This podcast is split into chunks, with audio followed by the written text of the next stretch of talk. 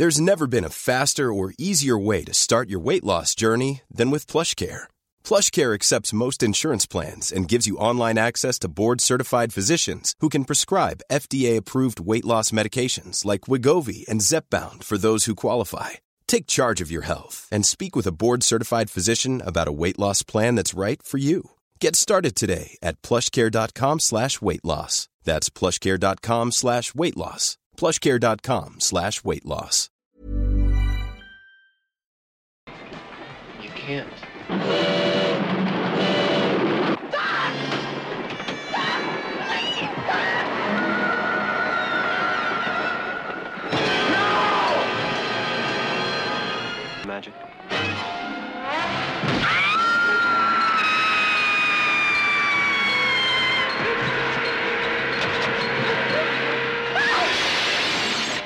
Big college party.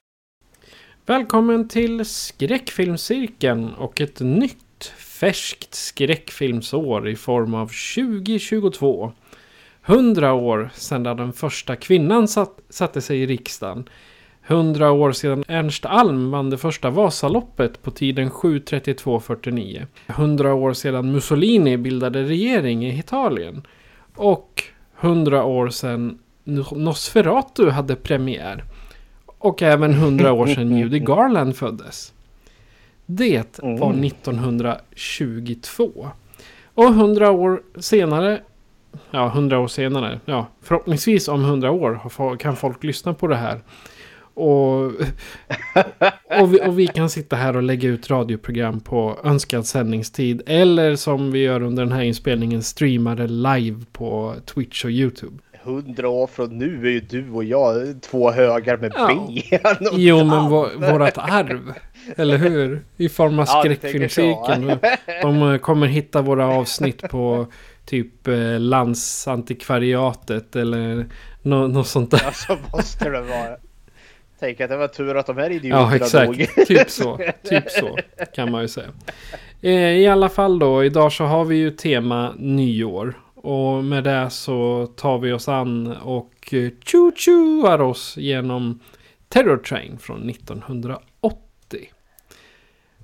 Men som jag sa innan vi börjar på riktigt så den här inspelningen streamas live på YouTube och Twitch. Och om du då skulle av någon anledning behöva hoppa ur eller lämna streamen eller bara vilja se den i efterhand så kommer den publiceras på Patreon i sin helhet utan bekymmer. Så är det. Fredrik, hur har ditt nyår varit? Det har varit så där. Jag har legat på akuten här. Jag fick magen eh, la av. Eh, Så, eh, det, så firade jag mitt nyår.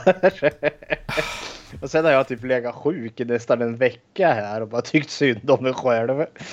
Men eh, nu så börjar liksom livet återvända. Så det, nu, nu börjar det kännas bra. Så jag vet inte, det var inte den kanske mest lovande starten på 2022 här. Nej, jag, jag ska faktiskt säga detsamma. Vi, eh, vi, vi låg liksom i soffan och sängen med 39 graders feber från juldagen ända fram till annandag jul, annandag nyår, måndagen efter nyårsafton. Det är alltså, vi, vi hade ju planer på att åka ut på landet på nyårsafton liksom för att hundarna ska slippa alla smällare och så eftersom vi bor så pass nära stan. Men det sket sig. Så vi fick eh, parkera oss i soffan, eh, hänga upp en webbkamera på tvn och sen kopplade vi upp oss mot Google Meet med vänner och familj och hade digitalt firande. Hade ni covid eller var det den vanliga flunsan? Det var säsongsinfluensan Usch. och på grund av jädra småbarn som finns i, i släkten. och då är det ju så att årets influensa skulle vara, i alla fall enligt sköterskan på vårdcentralen, den är värre i år än någonsin. Och det är väl inte så konstigt. För förra årets stam, influensastam var mycket mildare. Eh, och då brukar det kompenseras med att nästa är värre. Så då, då passade ni på. Eh, inga halvsemyror här inte. Nej, och vi kommer inte behöva vaccinera oss mot säsongsinfluensan nu i alla fall. Utan vi har blivit immuna. Jajamän. Ja. Nästa avsnitt vi spelar in säger jag. Ja, vi har legat i 39 graders feber sen förra inspelningen. Okej. Okay. Men eh, i vanlig ordning då tänkte jag vi har båda legat sjuka så vi har haft möjlighet att titta på mycket film nu de senaste veckorna då. Så jag tänkte, har du, när du har legat där, ja, på sjukhuset kanske du inte kunde titta så mycket men förhoppningsvis höll de väl inte kvar dig där allt för Nej, länge. jag hade tur. Jag var bara där i typ sex timmar. Så för mig, jag var där liksom på självaste nyårsafton. Så det, jag, jag kom undan lindrigt. Men, du och alla fyllon. ja, jag var där tidigt på morgonen så fyllon hade inte kommit än.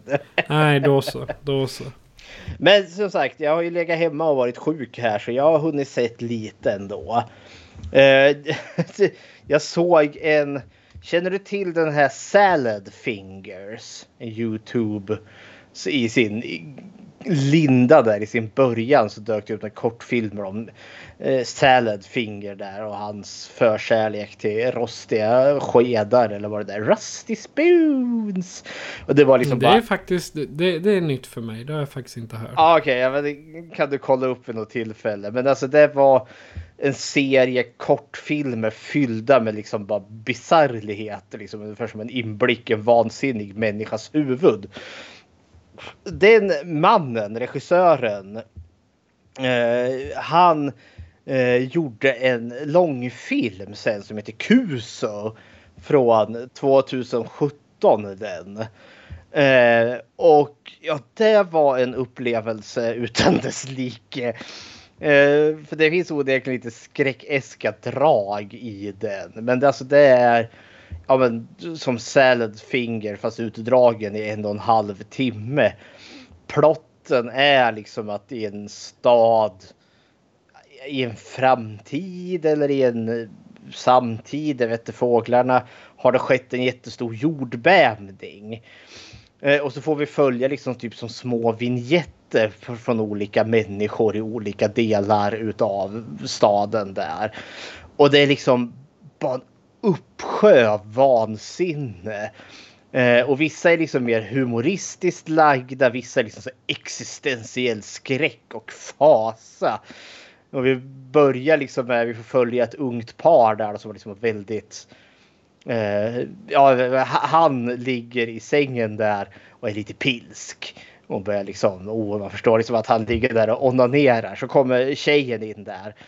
Och liksom, oh, vad håller du på med då? Liksom, oh, där han ligger här och onanerar. Och så lägger hon sig liksom bakom honom i sked.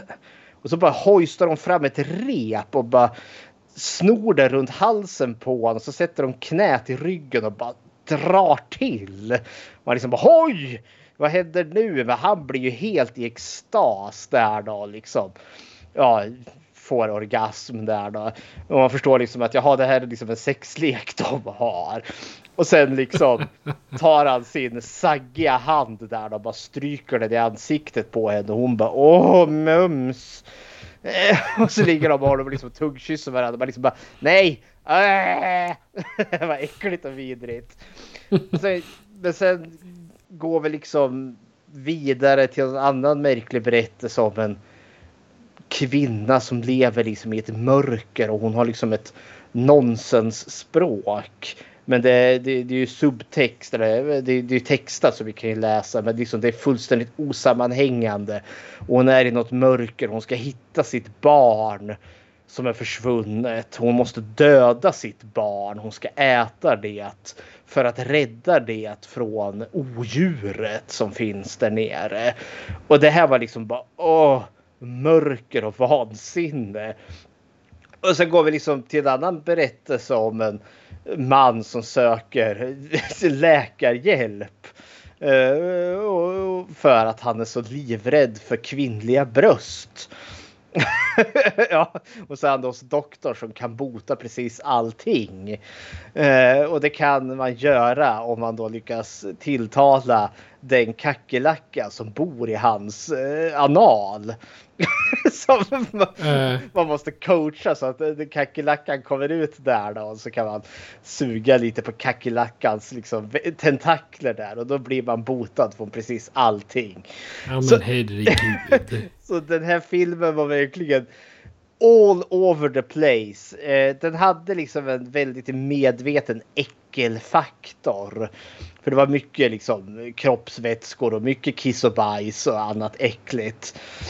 Och samtidigt liksom väldigt skruvat sinne för humor och ibland liksom supernattsvart. Men den var ojämn. För stundom var det kul, stundom var det bara ja, ett jäkla... Ja, det tog alldeles för lång tid att ta sig igenom. Kul att ha sett den en gång. Jag vet inte riktigt om jag kan rekommendera den här, men det är liksom en som en upplevelse. Det är mer som ett arthouse-projekt. Det är inte en koherent film med början, mitt och slut, utan det är mer en resa med massvis med bisarrligheter. Så hepp. Så ja, hepp, det är kuso där då. Salad finger. Det hade ju varit, varit fint om du hade haft eh, så här hög, hög feber eller någonting. ja, Och bara "Äh, salad fingers. Ja, det här var en riktig feberdröm det här. Sen Ja. såg jag en annan film. Jag var tipsad av en kamrat eh, som har väldigt bra eh, tycke för smak när det kommer till film. Och han tipsade mig om Caveat. Eller Caveat. Eh, Okej. Den kom förra året då, en Shudder Original. Du vet streamingtjänsten där. Som Mm. jag är hemskt bitter att den inte finns i Sverige. Det är så mycket bra, bra Mm. filmer på den. Och jag... Jag har ju VPN så Mhm. jag kastar mig in och ehm, jagar lite filmer Mhm. där på Shudder. Det är väl värt de dollarna det kostar. Ja men tror jag det. Eh, men- den, det var en bisarr liten spökhistoria från Storbritannien. Plotten där är liksom att en man blir kontaktad, vad jag tolkar jag tror det var hans bror.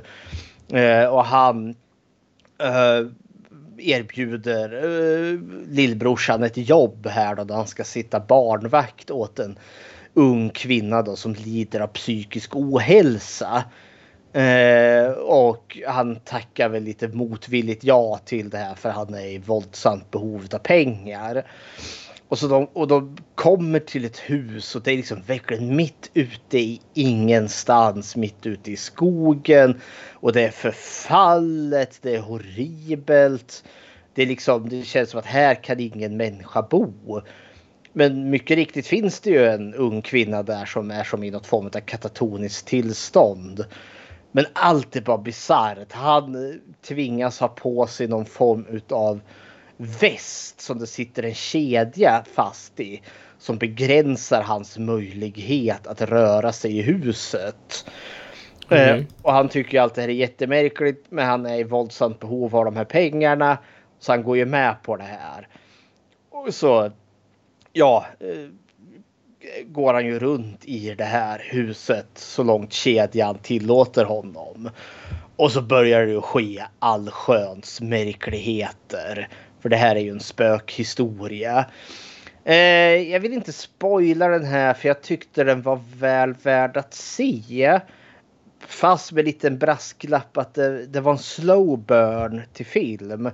Och den var stundom så jäkla långsam att jag, ja det, det var lite svårt att, alltså det var, telefonen kom upp ibland och man liksom, Okej. okej.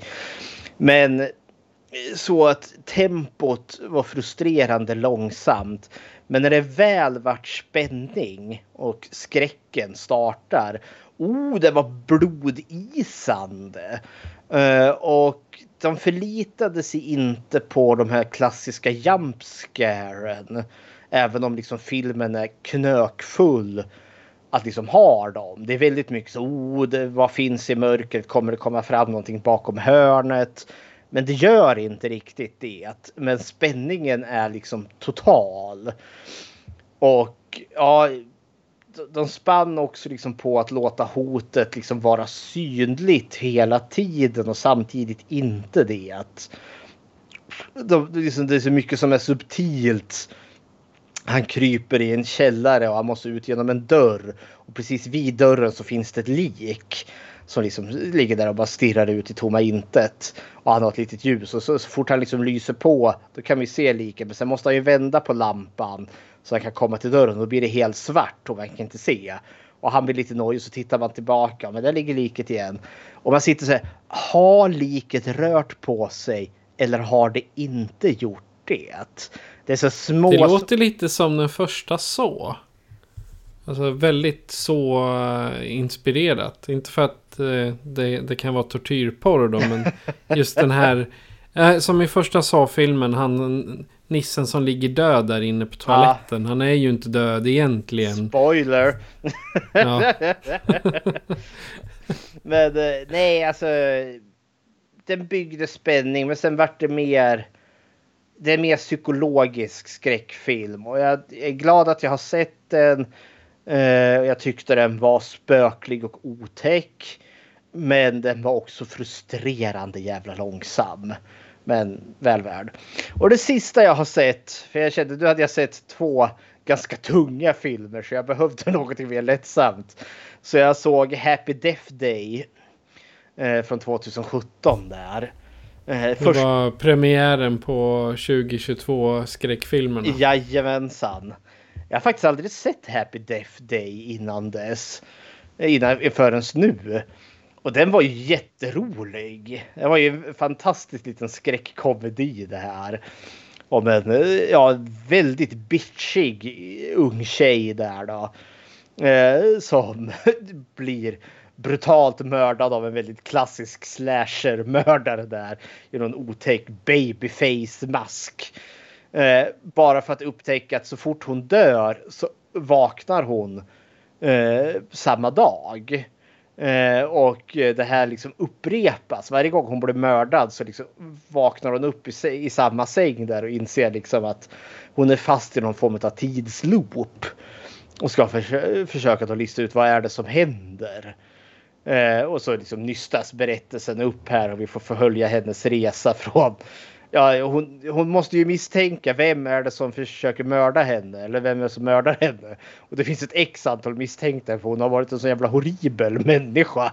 Så det är så väldigt många som har anledning att vilja mörda henne. Så alla, alla vill liksom mörda henne? Men ja, det finns eh, många man vet inte vem. Nej, man vet inte. Hon försöker liksom utesluta dem en efter en.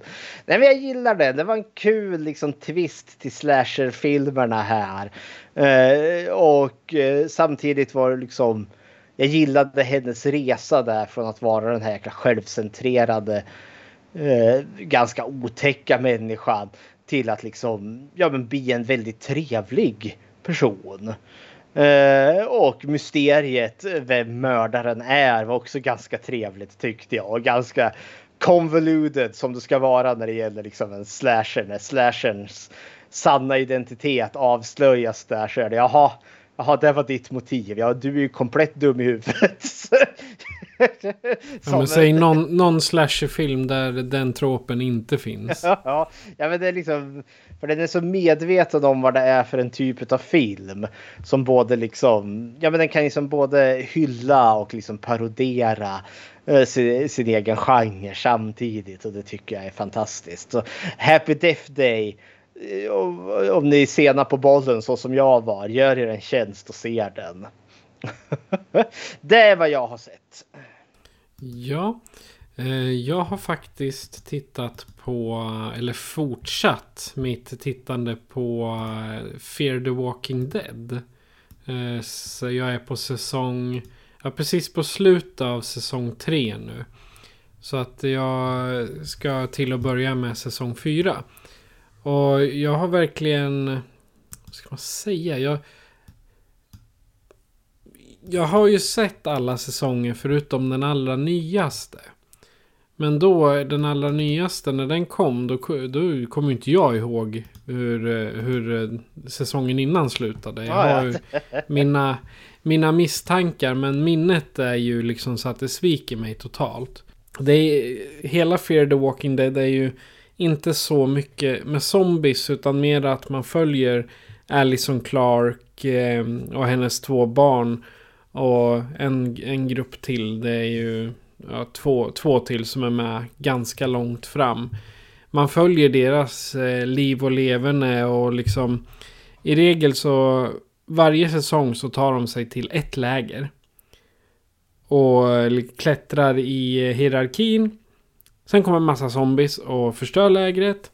Och sen så måste de fly och, eh, och återvända till ett eh, nytt läger. Och så gör de samma sak. Så gör de i fyra säsonger. Oj, Och Blir det inte lite- i... blir det inte lite rinse and repeat? Ja, det blir ju det, men det är också att eh, det kommer in där framåt säsong 3-4. Då kommer det in lite nya karaktärer som Mm. blir mer centrala. För Ja, några av de här huvudkaraktärerna så att säga som är, de dör ju var- vartefter som är relativt, som har några av dem ifrån säsong 1. De dör ju sen i säsong 3. Och ja. sånt.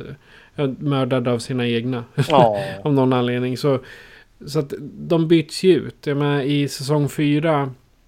Halva där så kommer ju Morgan ifrån eh, The Walking Dead in Ja. i Fear the Walking Dead.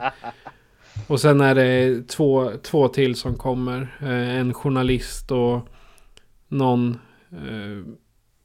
Han var, vad fasen var han? Han var cowboy på ett... Eh, typ en, en karneval.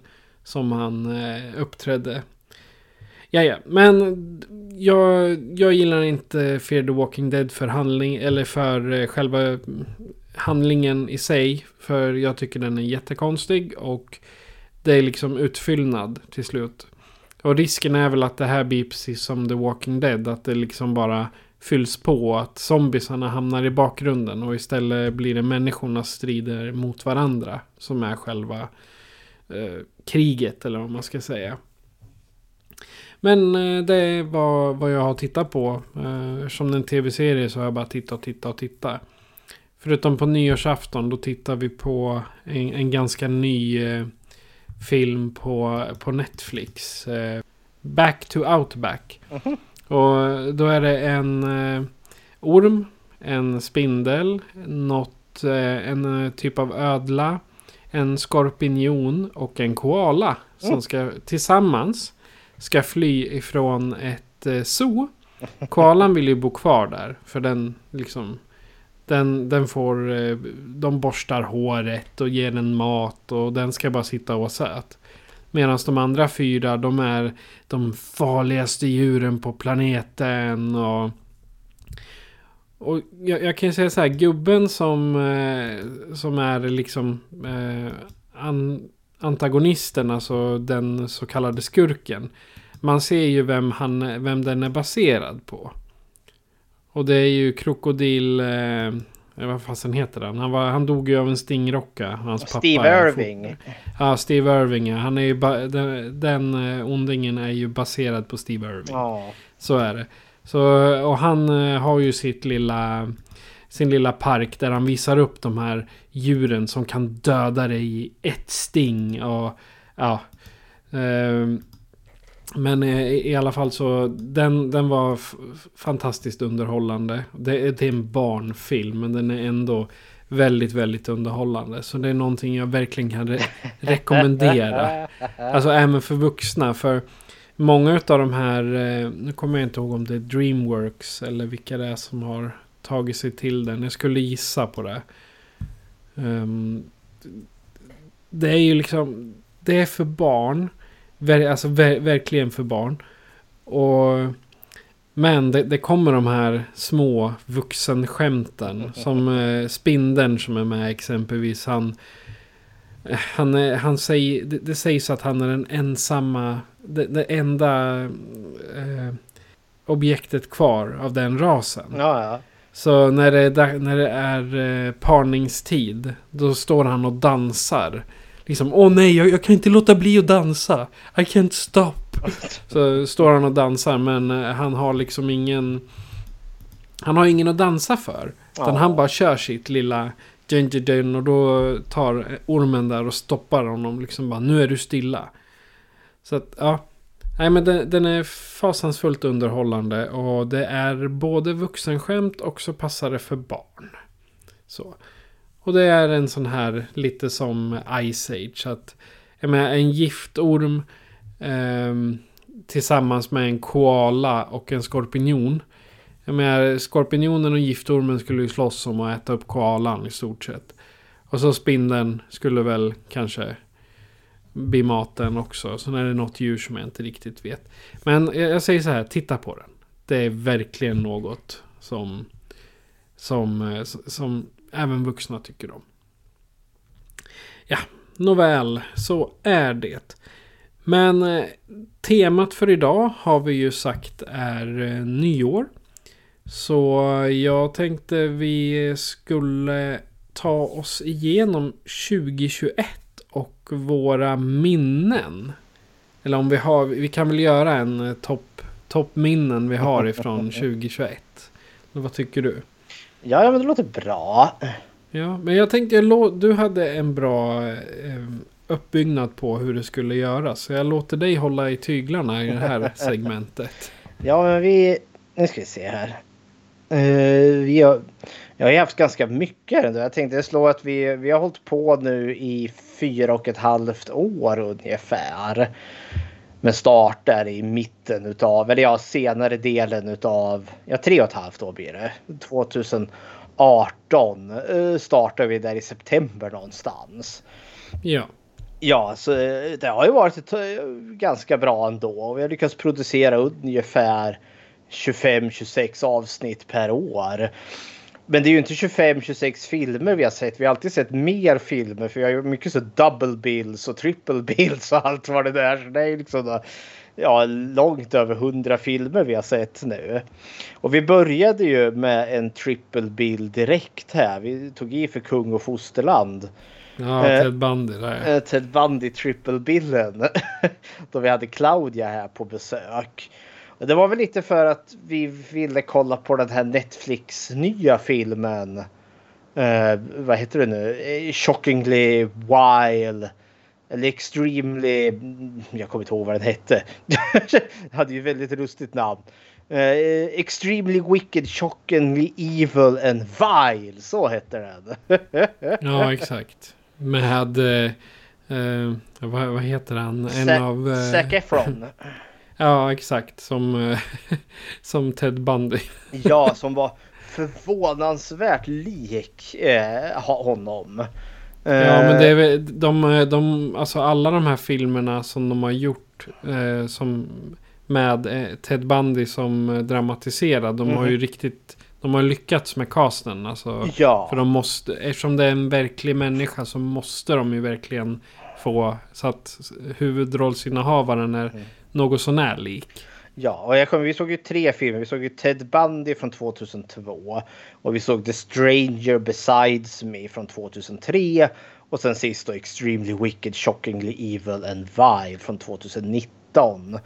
Ja. Och det var väl att de här tre filmerna kompletterade varandra ganska väl ändå. För ingen av dem direkt lyckas liksom fånga hela Ted Bundy där. Men slår man ihop de här tre porträtten utav honom då fick man en ganska så korrekt. För den här Extremely Wicked, det var han ju väldigt charmig och liksom man fick inte se mycket av monstret där medan den som bara hette Ted Bundy där var det ju bara kaos hela tiden. Han kunde liksom inte tygla sig och Ted Bundy var ju liksom en kombination av både och. Det tyckte jag var ett trevligt avsnitt. Ja. Sen avsnittet därefter gjorde vi ju Christopher Lee. För vi fick ju för oss att vi skulle utnämna varje år till någonting. Så 2021 vart ju the year of Dracula. Mohaha. Så skulle vi försöka oss ta igenom oss alla Dracula-filmer som Christopher Lee gjorde för Hammer Horror. Jag tror vi kom lite mer än halvvägs. Vi har inte lyckats klämt alla Christopher Lees Dracula för jag tror vi har typ fyra kvar eller något sånt där. Ja, men sen var det, det, det kom ju så mycket andra filmer som, vi, som också var bra. Ja. Liksom. Så, så det var, Ja, nej, det var ju bara att, att köra. Ja. Dracula får komma tillbaka en annan gång. Han får det. Det är svårt att undvika Dracula när vi har att göra med skräckfilmer. Så det, Dracula Ja. kommer tillbaka. Eh, och vi kommer också utnämna 2022 här till eh, ett år. Men vi tar det efter vår lilla recap här. Ja. Eh, vi, vi hoppar, vi går inte igenom allting här, men vi, vi, vi gick oss an David Cronenberg. Eh, vi hamnade i Tyskland. Vi såg den här Der Samurai. Eh, sen gjorde vi en dokumentär. Vi blandade oss in i true crime igen. Vi ja såg den The här. Vanishing at Cecil Hotel. Ja, det var, tyckte jag var en av de mer intressantare och samtidigt mest frustrerande vi Ja. har gjort. Ja, nej, men det, det var ju verkligen, vi, vi gav oss in i den typ, eh, ja det var väl bara någon månad efter att den hade haft premiär på, Ja. på Netflix. Och det var väl inte sådär att, för jag hade inte en sån här larmklocka, spoiler alert, utan det var liksom, jag fick ta någon larmklocka, wii, wii, wii, i början. Men jag kommer ihåg att jag tyckte den var intressant och samtidigt var den frustrerande. För att de, de spenderar så mycket tid med de här YouTube-människorna som Ja. skapade sin lilla konspirationsteori om vad som hände med hon Eliza Lam där. Och det, stundom där vill jag bara slita håret av mitt huvud för jag var så förbannad på de här människorna. Alltså jag ville ju bara åka dit och slå dem på käften. För jag tyckte de, eh, de- det var så, ska man säga, det var väldigt eh, re- respektlöst där, på det sättet de betedde sig. Det var ju, och samtidigt känns det också som att det var ju lite som en föregångare till där vi är nu. Man, liksom, när vi lever i liksom ett tidevarv utav eh, Flat Earthers, eh, vaccinmotståndare, Qanon. Det är Fake liksom, news. fake news och så det härliga till. Och jag kände lite att den här crime scene, The Vanishing at Cecil Hotel var liksom lite som ett mikrokosmos utav det man fick se. Liksom när folk börjar spekulera. Ja, då kan man bara slänga ut sanningen genom fönstret för den betyder ingenting längre. Ja, ja, men den var spännande men frustrerande. Sen, gav, Väldigt. sen gav vi oss an på eh, 2021s första franchise. Eh, Poltergeist-filmerna avhandlade Ja, just där. det. Med, Zelda, med introduktionen av Zelda Rubenstein. Åh,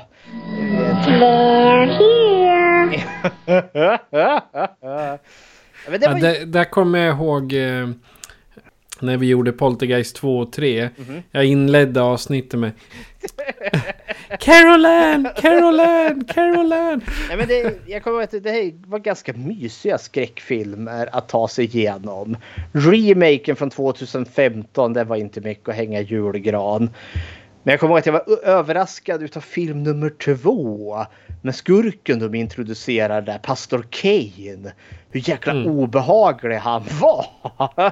Så. Ja, den är ju, alltså, jag, jag såg ju den när jag var relativt alltså, ung, 12-13 år. Men eh, då var han liksom bara en gammal gubbe, full gammal gubbe. Som många av de där eh, gubb, skräck, eh, ja de har Ja. ofta en sån. Men sen nu när man såg honom Pastor Kane. Och sen var jag inne i någon sån här eh, eh, att jag, jag höll på att läsa om sekter och kulter. Och så. Jag bara, jaha, titta en sektledare. Ja. Ja, kära. Sen hade vi ju uh, Carnosaur 3 avsnittet. Tillsammans med våran, uh, ja, vad är det, våran syskonpodd eller favoritpodd här. Film Kompispodd. Kompispodd, film till fikat här. Vilket Ja. jag är... Kanske är dum men jag är inte korkad. För att citera Matti ur Film till fikat. Är det inte Ulf? Nej, det var Matti. Jaha, sådär. Ja, ja, vi lär få reda på det. Det har varit jätteroligt för det har varit kul vårat samarbete med dem. Ja, Eh, För de återvänder ju senare och vi har ju återvänt till deras med jämna mellanrum här. ja. Sen, sen gick vi ju in, vi avhandlade det här Rape Revenge. Såg den här Ja, filmen. eh, innan vi, innan vi kommer dit så bara avsnittet efter vi hade besökt Film till fikat så besökte vi en annan podd.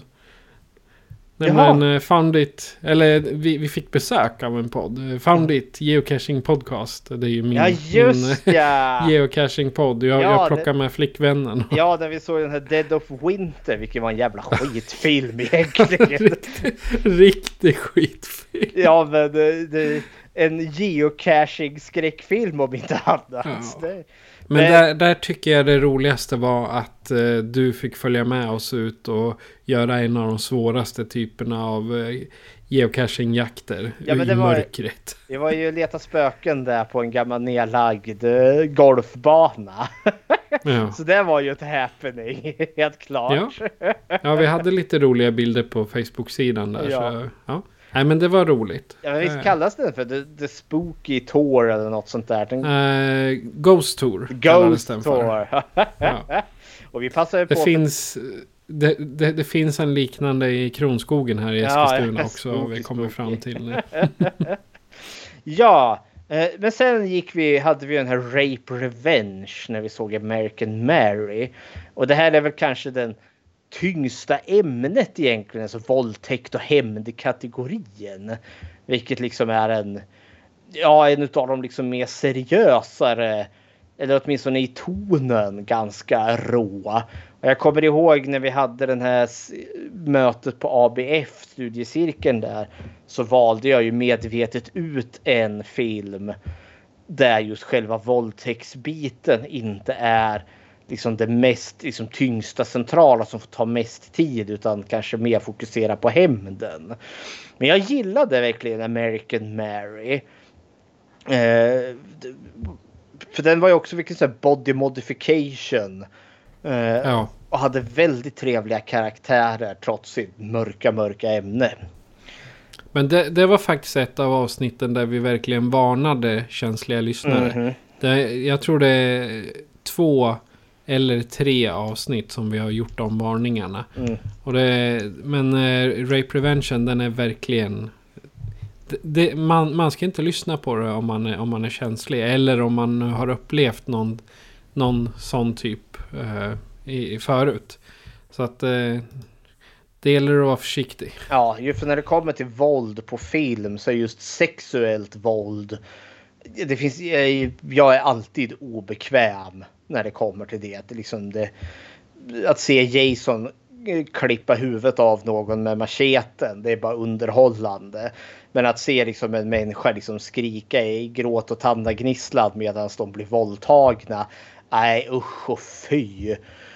Eh, även om det kanske är tillfredsställande sen när hon får ut sin hämnd på fanskapet.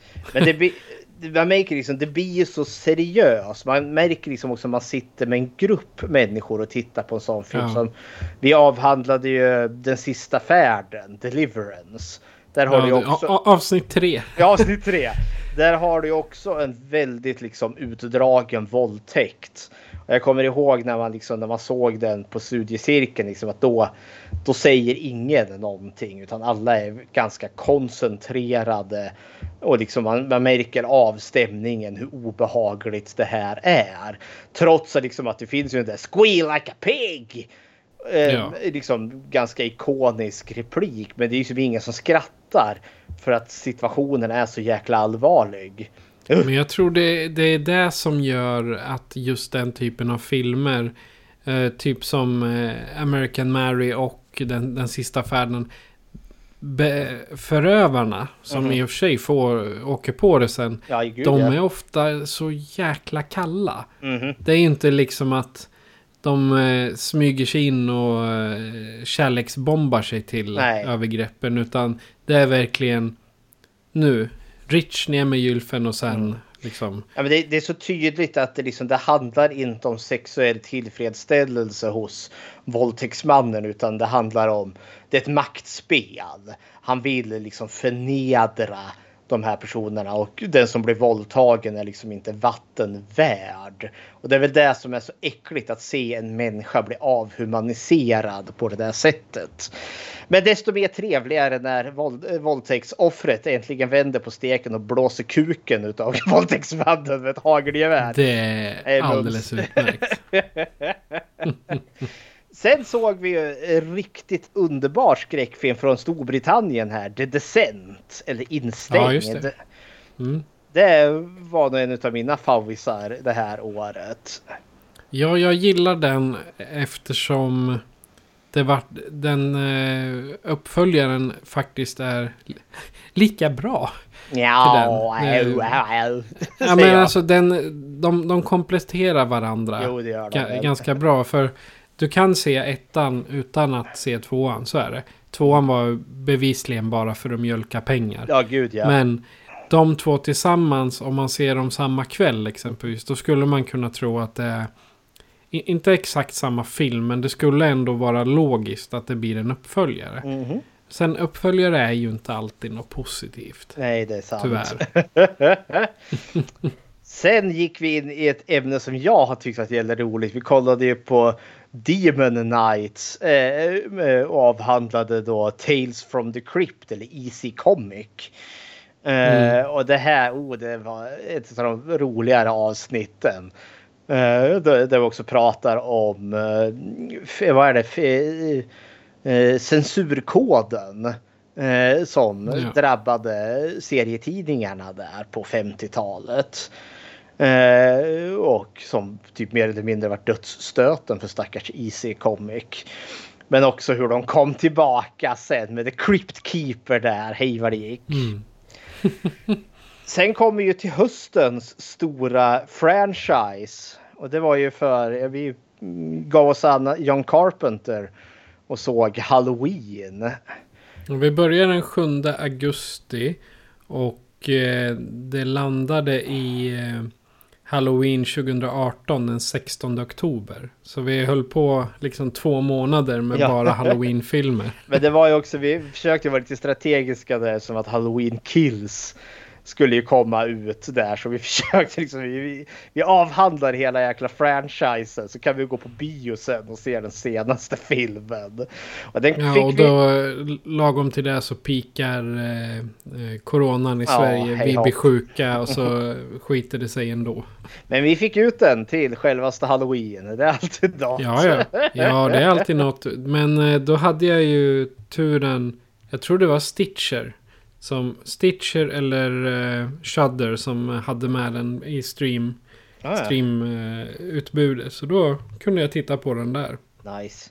Här hade vi också ett gästspel igen utav Film till fikat när de hjälpte oss att avhandla Halloween eh, 20 år senare och Resurrection.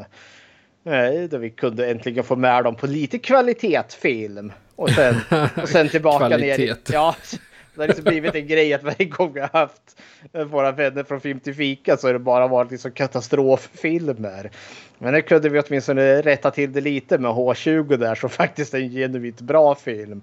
Och sen Ja. avslutar vi med Resurrection som är en genuint dålig film.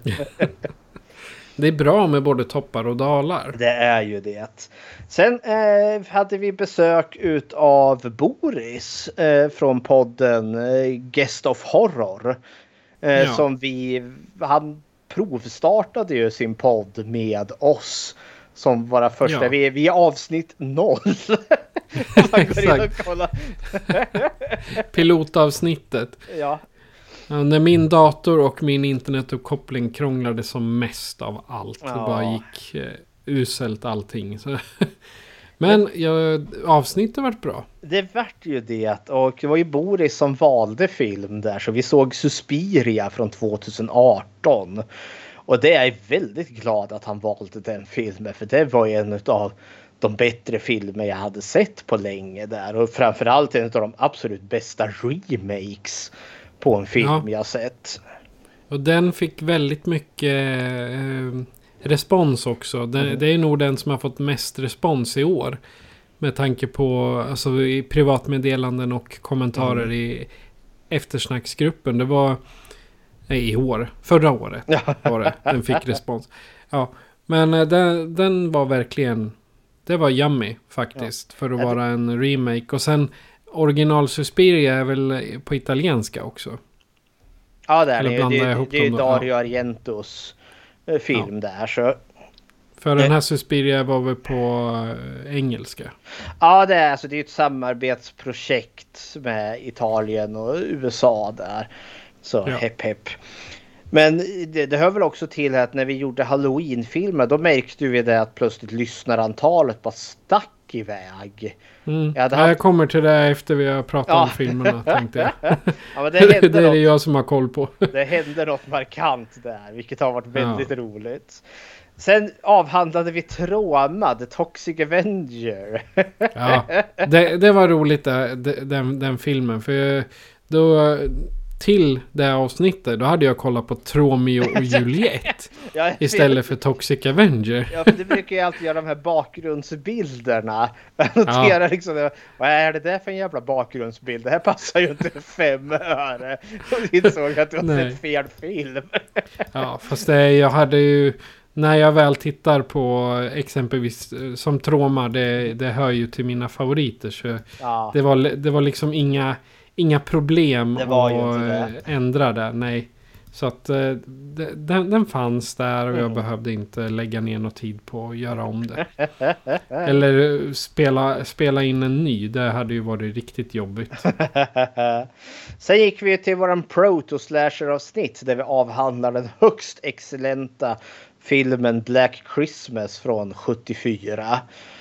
Eh, och sen avslutade vi med julklappsbytet där då som vi ser att vanlig ordning gick i väldigt tacky stil. Jag har typ aldrig haft kvalitetsfilmer tror jag någon gång. Det är lite grejen också. Ja. Tycker jag i alla fall. Har, När det gäller... vi har fortfarande inte nått den absoluta botten. Eller den absoluta botten är väl för, The 13 Friday. Det jag tror inte Ja. jag tror inte jag sett något värre än det. Men House of Evil kom jäklar mig nä nära där.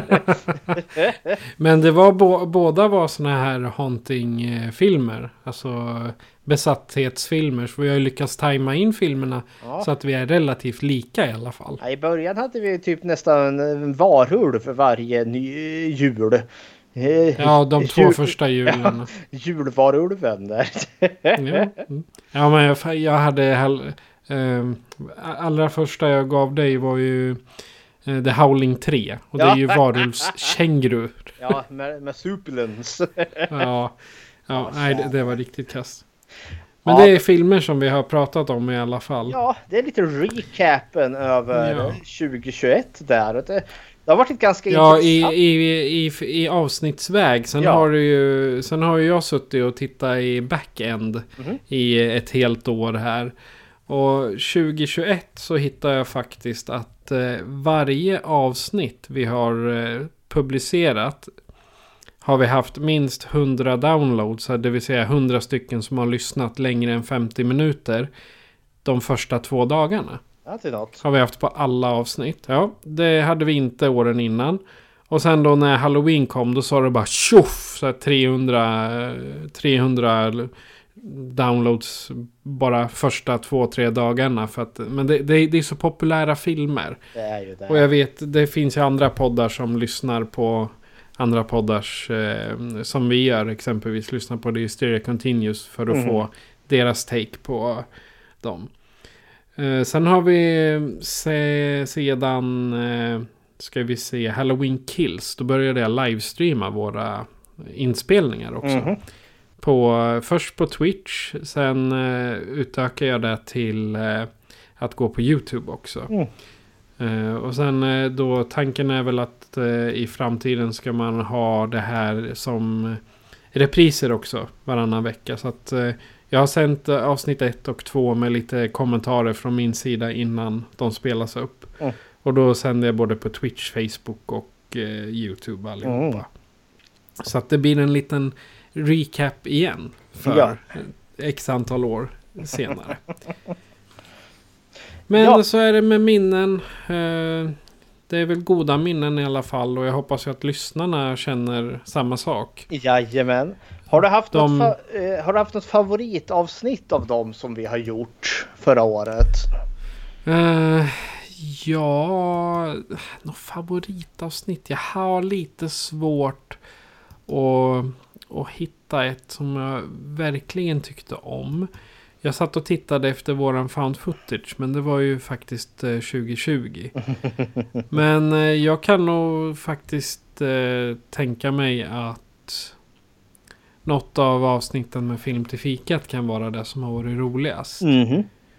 Det, var, det är i alla fall de som har varit roligast att arbeta med i efterhand. Ja. För med våra, våra röster, de, de kan jag utan till. Liksom. Det kan man sitta i sömnen och, och redigera. Men när det kommer tre röster till som har varit.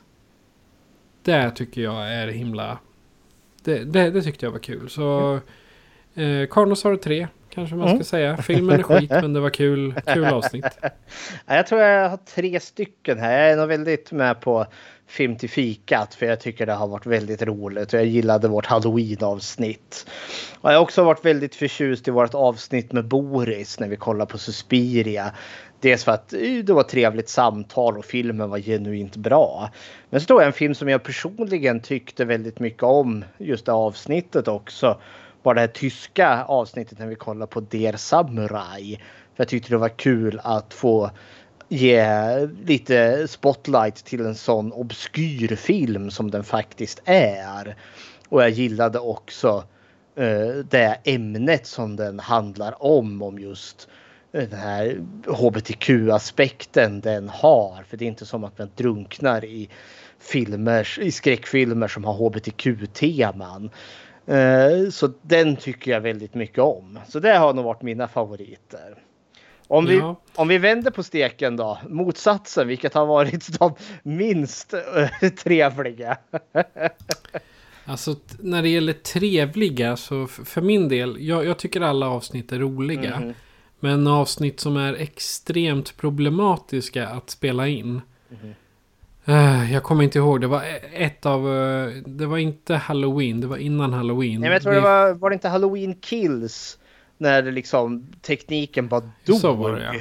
Ja, Halloween Kills.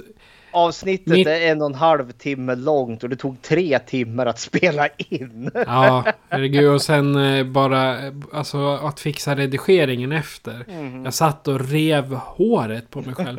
Det var liksom... Internet gick ner. Min eh, CPU pajade. Det, det funkar. Ja, det var ingenting som fungerade. Och jag hade ju samma problem under Suspiria. Men sen så skaffade jag ett snabbare internet. jag skaffade fiber. Så nu är det inga problem. Härligt. Det som var filmer som varit genuint eh, jobbiga att ta sig igenom. Det var ju Rob Zombies Halloween-filmer. Ja, Ja, det usch. Fuck, fuck, fuck, fuck, fuck. ja exakt. Jag, jag gillar mitt intro där. jag, den skulle ju publiceras på YouTube också. den vart flaggad. Jag, jag fick inte publicera den med allt det språk. det vart liksom en röd. Det får inte publiceras. Eh, Ja. för att det var för eh, ex- explicit språk. Ja. Så jag bara, ja ja. Så då tog jag bort det här fuck, fuck, fuck, fuck, fucket och bara lät det vara, la upp den utan det. Så det är Ja. liksom i början är det helt tyst. Och sen, välkommen till skräckfilmscirkeln. Sen, det jag ska säga också i eh, 2021 är att eh, jag har utökat väldigt mycket. Vi har en eh, merchandise-butik nu med allt ifrån t-shirtar till eh, bland annat min som jag har på mig. En sån finns med. Och lite muggar som både du och jag dricker ur. Jajamensan. Som vi är med på. Eh, och flaskor och om det är då är någon som vill vara riktigt kärvänlig så finns det faktiskt kuddar också. Jag gjorde, om, jag gjorde lite ny, eh, ny, ny grafik här och var som jag tyckte var, var lite kul att, att ha. Så. Log loggan har ju ändrats. Vi hade ju Jason och Michael som tittade på Ja. varandra. Men jag antar Ja. att det var copyright som kom där och skrek att eh, du, Jason tillhör någon. Men inte oss. Nej, exakt. Nej, men det var, det var på, på YouTube första gången när jag streamade, streamade oss där.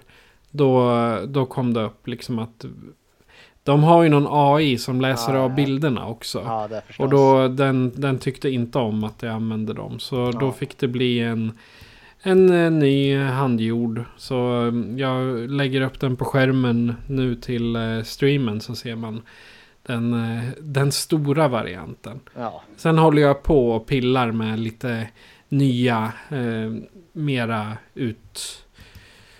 Ja, exempelvis att våra huvuden kan bli avhuggna av den där klappen. Det är sådana saker. Men det, är- det är ju ett, eh, en work in progress. Så ja, att säga. ja. ja, ja, men det, det var året 2021 och det har varit ett ganska starkt år ändå. Med väldigt Ja. många bra filmer och väldigt mycket trevliga personer som vi har mött ändå. Eh, Så Ja. trots liksom covid och all annan jävla skit som har varit så har podden varit en liten ljuspunkt mitt i alltihopa. Ja, det har varit den här varannan, varannan vecka-punkten som liksom, ja men titta nu kommer det något roligt. Och Mhm. Jag mötte faktiskt en av våra lyssnare på stan eh, när vi var sena med ett avsnitt. Det var en lördag eftermiddag. Han bara Vart är avsnittet? Varför har du inte publicerat något avsnitt? Jag bara Ja. Det kommer ikväll. Han bara Yes! Så ja. Nej, det är kul med fans. Nej, har vi smekt våra egna egon här tillräckligt? Jajamän. Nu är det Nu dags har vi... ge oss, ge oss i kast filmen här. Ja, ja. Då så. Eh, då ger vi oss av till eh, Kanada är ju inspelningsplatsen men jag tror att det ska vara i USA. Och vi ska fira en eh, nyårsnatt i Terror Train från 1980. Eller som den hette på svenska, Mörka natt, blodiga nyårsnatt. Eller Morden på Partyexpressen. Så här kommer en eh, trailer.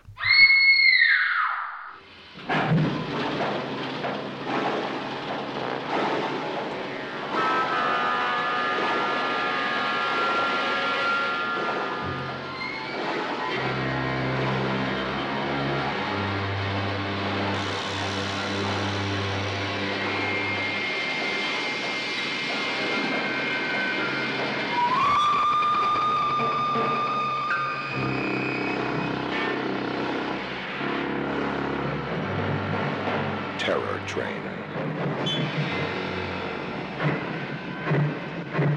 Everybody take off your mask. Hey, hey, hey, take it easy, man. What are you doing? Oh my God. Stay with your date.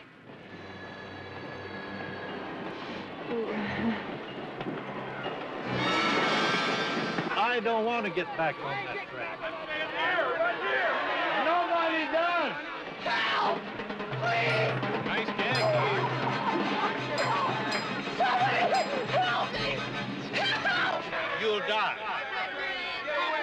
This temperature, you'll die. You'll die. Come on, no. Come on. Mo!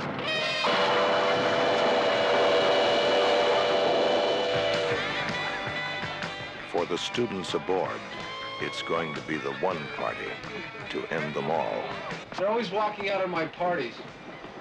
But this time, you can't.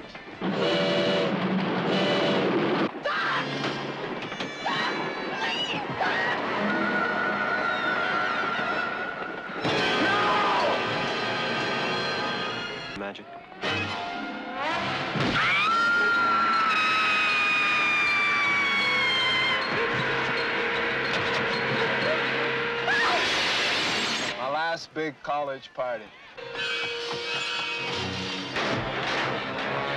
It's a joke. Goddamn practical joke. Train. I don't want to get back on that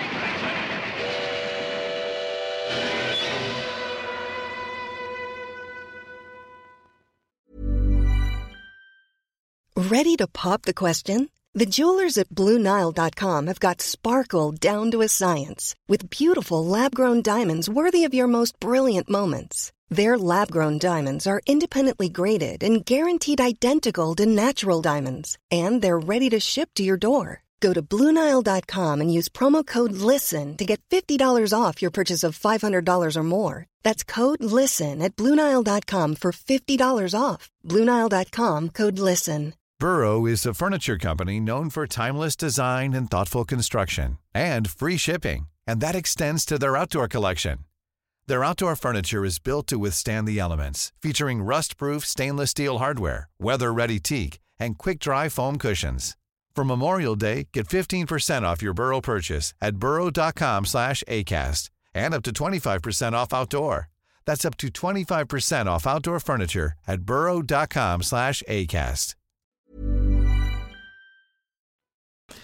Ett gäng skolungdomar utsätter skolans mobboffer för ett practical joke.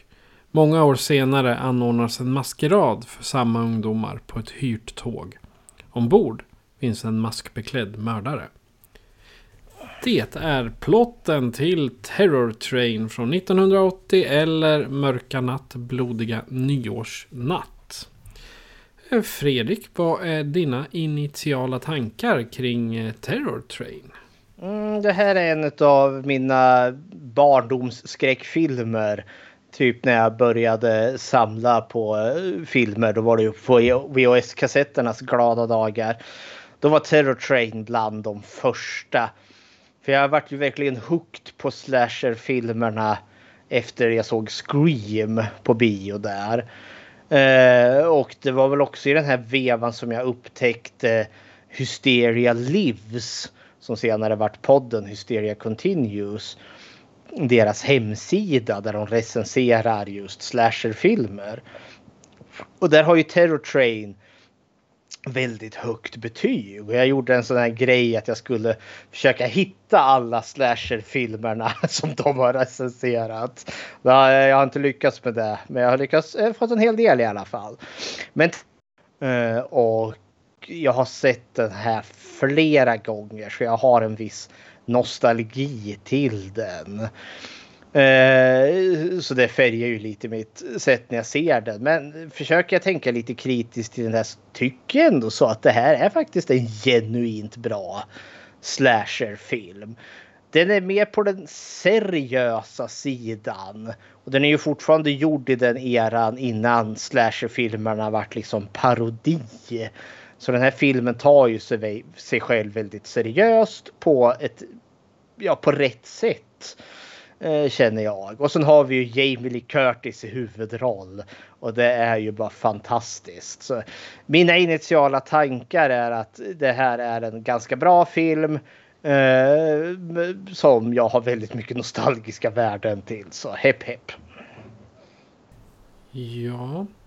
Eh, när jag ser namnet Jamie Lee Curtis så får jag alltid goda känslor i magtrakten. Men jag kan tänka mig missnöjet när den här filmen kom så tätt in på Halloween. Så jag med premissen med en nyårsmaskerad på ett hyrt tåg. Det känns så mycket Amerika som det bara går. Um, karaktärerna är stereotypa, mellanmjölkiga och riktigt Eh, 70-taliga. Eh, filmen är däremot stil, stilbildande skulle jag säga. Och för mycket av eh, skräcktroper som vi ser det idag kan jag identifiera i just Terror Train. Det är inga större plus i kanten i, i min smak. Men Terror Train vinner poäng som en kultrulle. Där man bland annat hugger ihjäl David Copperfield. ja.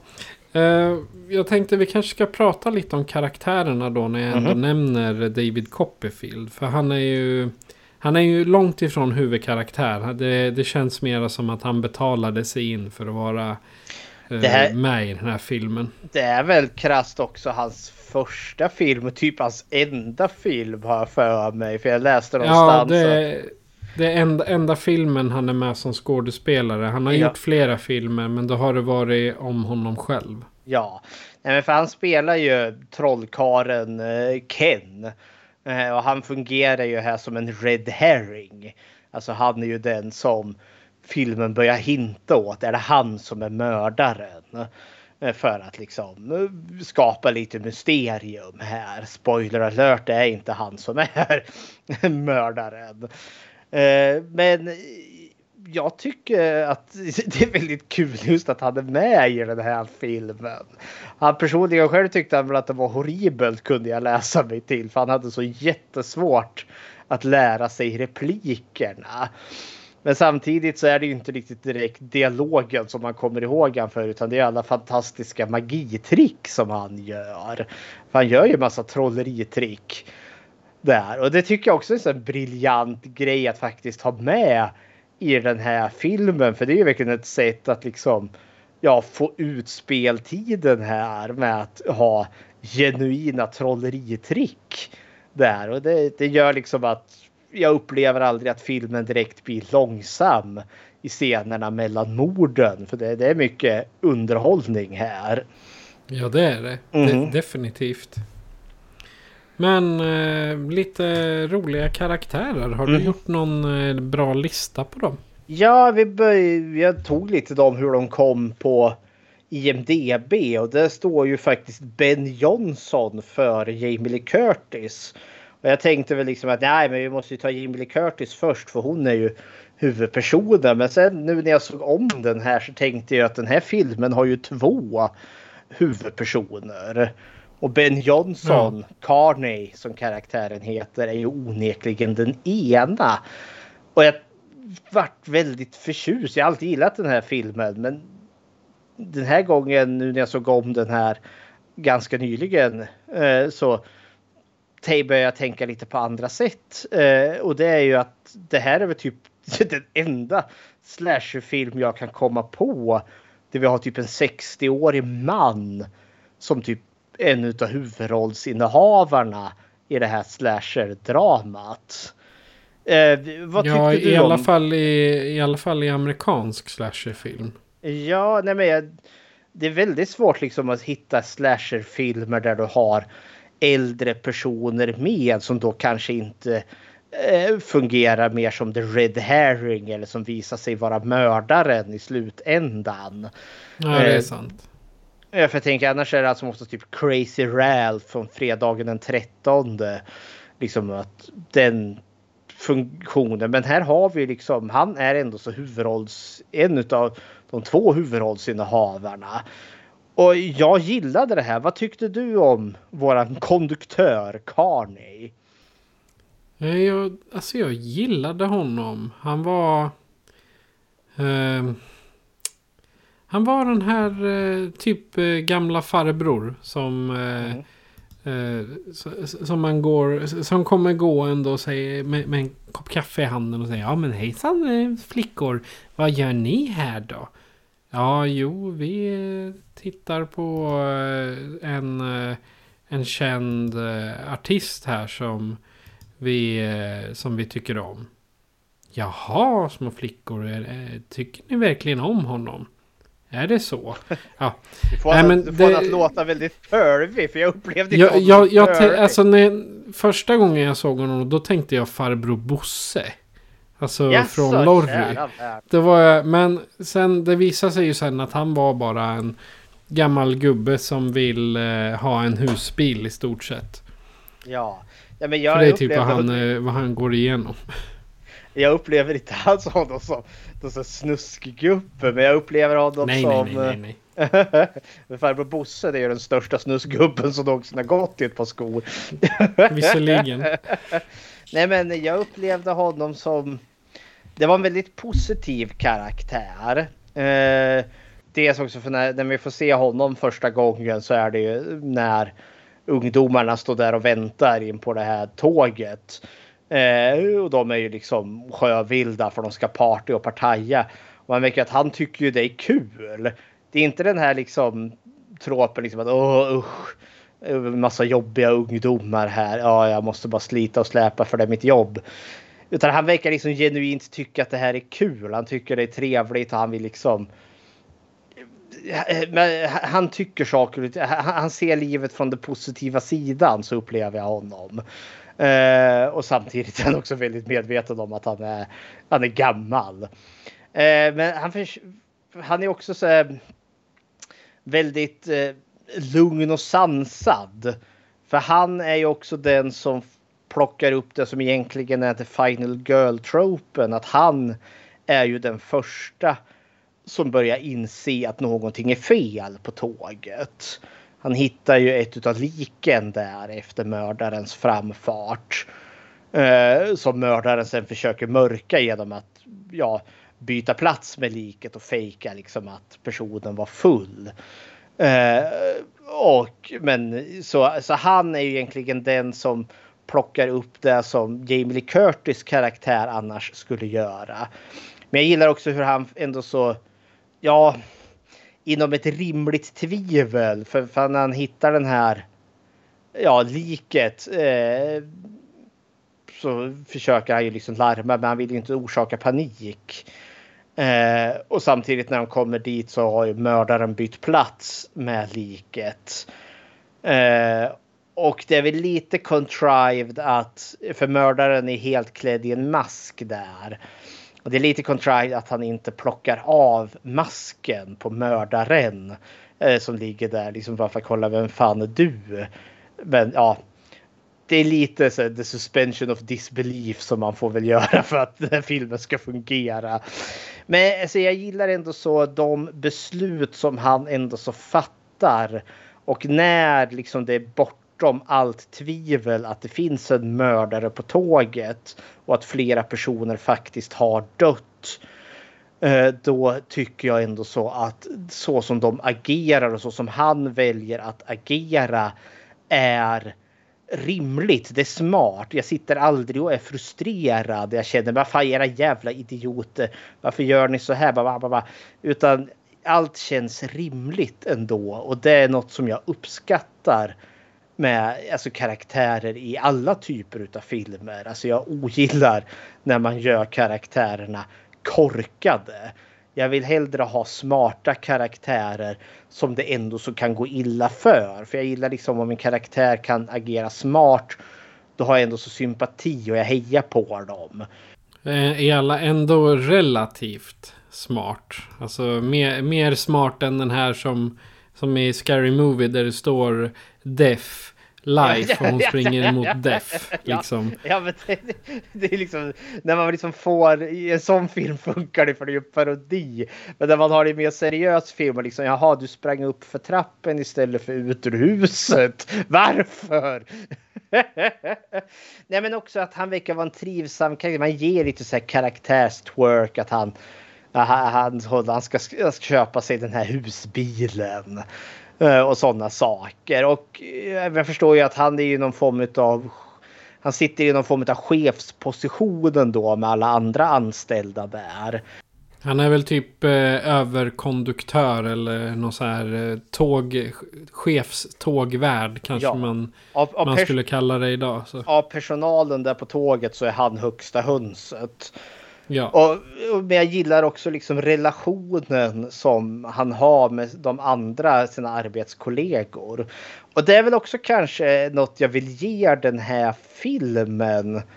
Att jag tycker att den här slasherfilmen spenderar ganska mycket tid med att försöka bygga ut karaktärerna eh, i den här. De är liksom Visst, de är ju lite stereotypa också för att de måste vara det. Men det är liksom...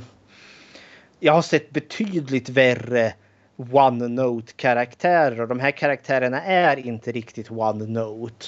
Utan det är ganska... The 13th Friday. Ja, The 13th Friday. Det är liksom no note. Det finns inga karaktärer där. Nej, men liksom det här är en mer karaktärsdriven slasherfilm. Och egentligen inte morddriven vi har ganska många mord i den här filmen. Men filmen fokuserar på sina karaktärer före spektakulära mord, vilket jag uppskattar. Och Carney, nu när jag såg om den här, vart jag väldigt förtjust i. Eh, för jag tycker dels att karaktären är trevlig och plus att det är så ovanligt att ha liksom en, en äldre man i huvudrollen i en sån här typ av film.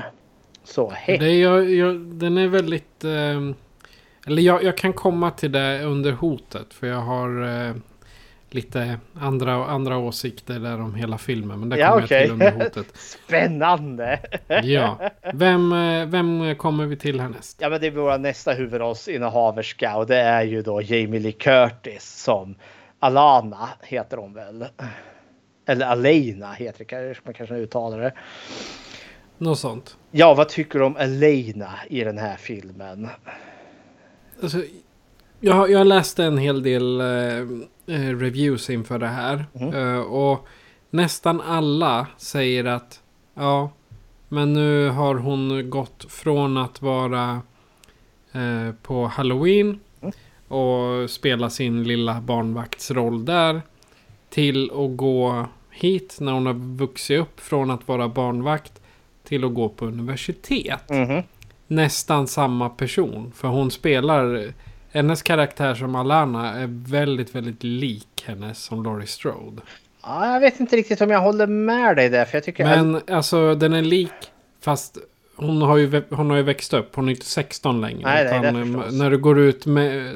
När du går ut lä, läkarhögskolan kanske det är 27-28 och ja, jo, det förstås. Så det, det är där jag tänker. Jag menar i början så är ju hon med på det här eh, pranket som de gör. Det, det, det är lite så jag tänker att Mhm. eh, hon har ju hon har växt upp. Och, men fortfarande är hon den här lilla eh, återhållsamma flickan som Mm. egentligen inte vill någon illa. Ja, och jag, jag är med på det spåret till viss del. För det, är visserligen mer kanske uppvuxen Laurie Strode. Men hon är inte så musig som Laurie Strode är. För Elena upplever jag har mycket mer skinn på näsan. Eh, och hon är ju också betydligt mer involverad alltså i, i felet som har begåtts i den här filmen. För det, är ju, det kan vi ju nämna här, för den inleds ju med att de är på ett party, ett studentparty som heter Hog Night, svinen i natten. som då tydligen är tillägnad alla första års elever. Och där tydligen då grejen är att alla manliga förstagångselever de ska bli av med oskulden eller de ska ligga för första gången. Eh, och gör de inte det, att de, har någon jäkla mössa på sig som signalerar att de inte har haft sex där då. Så det konceptet är ju ganska grisigt. Eh, och, men trovärdigt. För det, är- det är ju väldigt mycket liksom männen som måste ligga med en kvinna. Utan vi, vi, det är ju bara män som har den här hatten på sig. Och det är en stor skam att de har den. Eh, kvinnorna, eller alla unga studenttjejer som finns där, de, de är ju inte involverade i det utan de är liksom som ett pris för att männen ska ligga med så de kan ta av sig den här jäkla mössan. Så det är ju det är en otäck könspolitik som finns här. Men det leder ju också fram till ett genuint otäckt prank eh, Eh, som Alena är involverad i. För det finns ju en ung kille här som heter Kenny som vi kommer komma till när vi pratar om hotet. Spoiler alert! och han har ju en sån här mössa på sig och han ska bli av med oskulden och då har liksom det här kompisgänget de ska pranka honom eh, och vi förstår att eh, det, ja, Elena ska agera rösten till en kvinna som ligger i en säng som Kenny ska ha sex med. Och det visar ju sig i slutändan att den här kvinnan som jag antar eh, Alena tror är någon prostituerad kvinna visar ju sig vara ett kadaver som eh, de har stulit ifrån eh, läkarmottagningen från bårhuset där. Eh, vilket traumatiserar Kenny bortom vett och sans. Eh, och visserligen av alla karaktärerna där så är det ju bara hon. För de andra kommer ju inrusande och skrattar ju åt hans förnedring. Medan Jamie Lee Curtis karaktär är ju den som förfasas när hon ser vad det är som har hänt. För hon har ju inte riktigt varit införstådd. Om jag förstod det. Men hon har lik förbannat varit delaktig i det här. Så det gör ju hennes karaktär lite annorlunda mot, Jay, mot Laurie Strode. För här har hon ju faktiskt varit väldigt aktiv i någonting väldigt negativt. Hon har faktiskt en skuld. Eh, inte som Laurie Strode som är den här liksom perfekta oskulden som bara drabbas av Michael Myers. Eh, och samtidigt. Jag tycker Elena är av om, om vi kollar på alla filmer, för hon gjorde ganska många skräckisar här i början av sin karriär. Det var Halloween och sen kom det Fog, dimman där. Eh, sen gjorde hon väl Prom Night, eh, sen kom Terror Train eh, och så kom väl Halloween 2 och sen Road Kill eller Road Games eller vad det nu heter.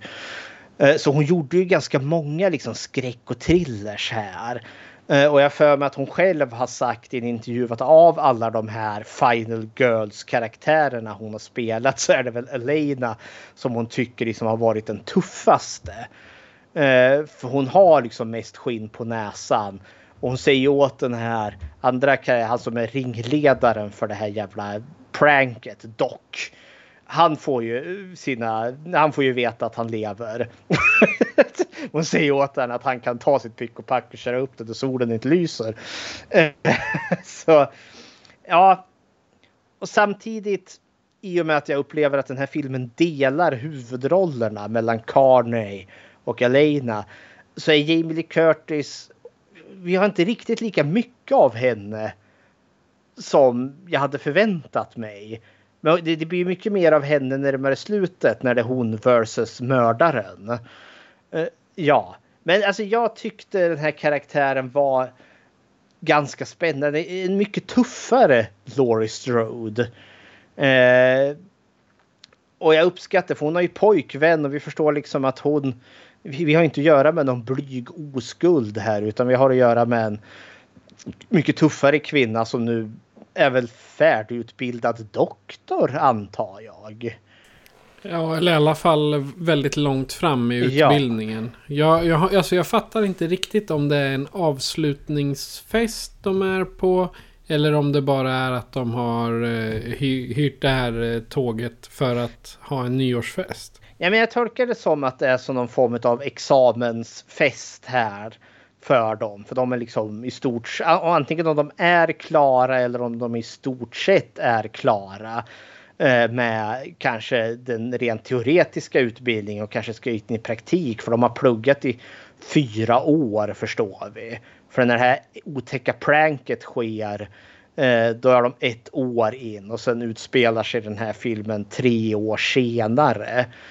Så jag tolkar det som att de är färdigutbildade eller nästintill färdigutbildade doktorer.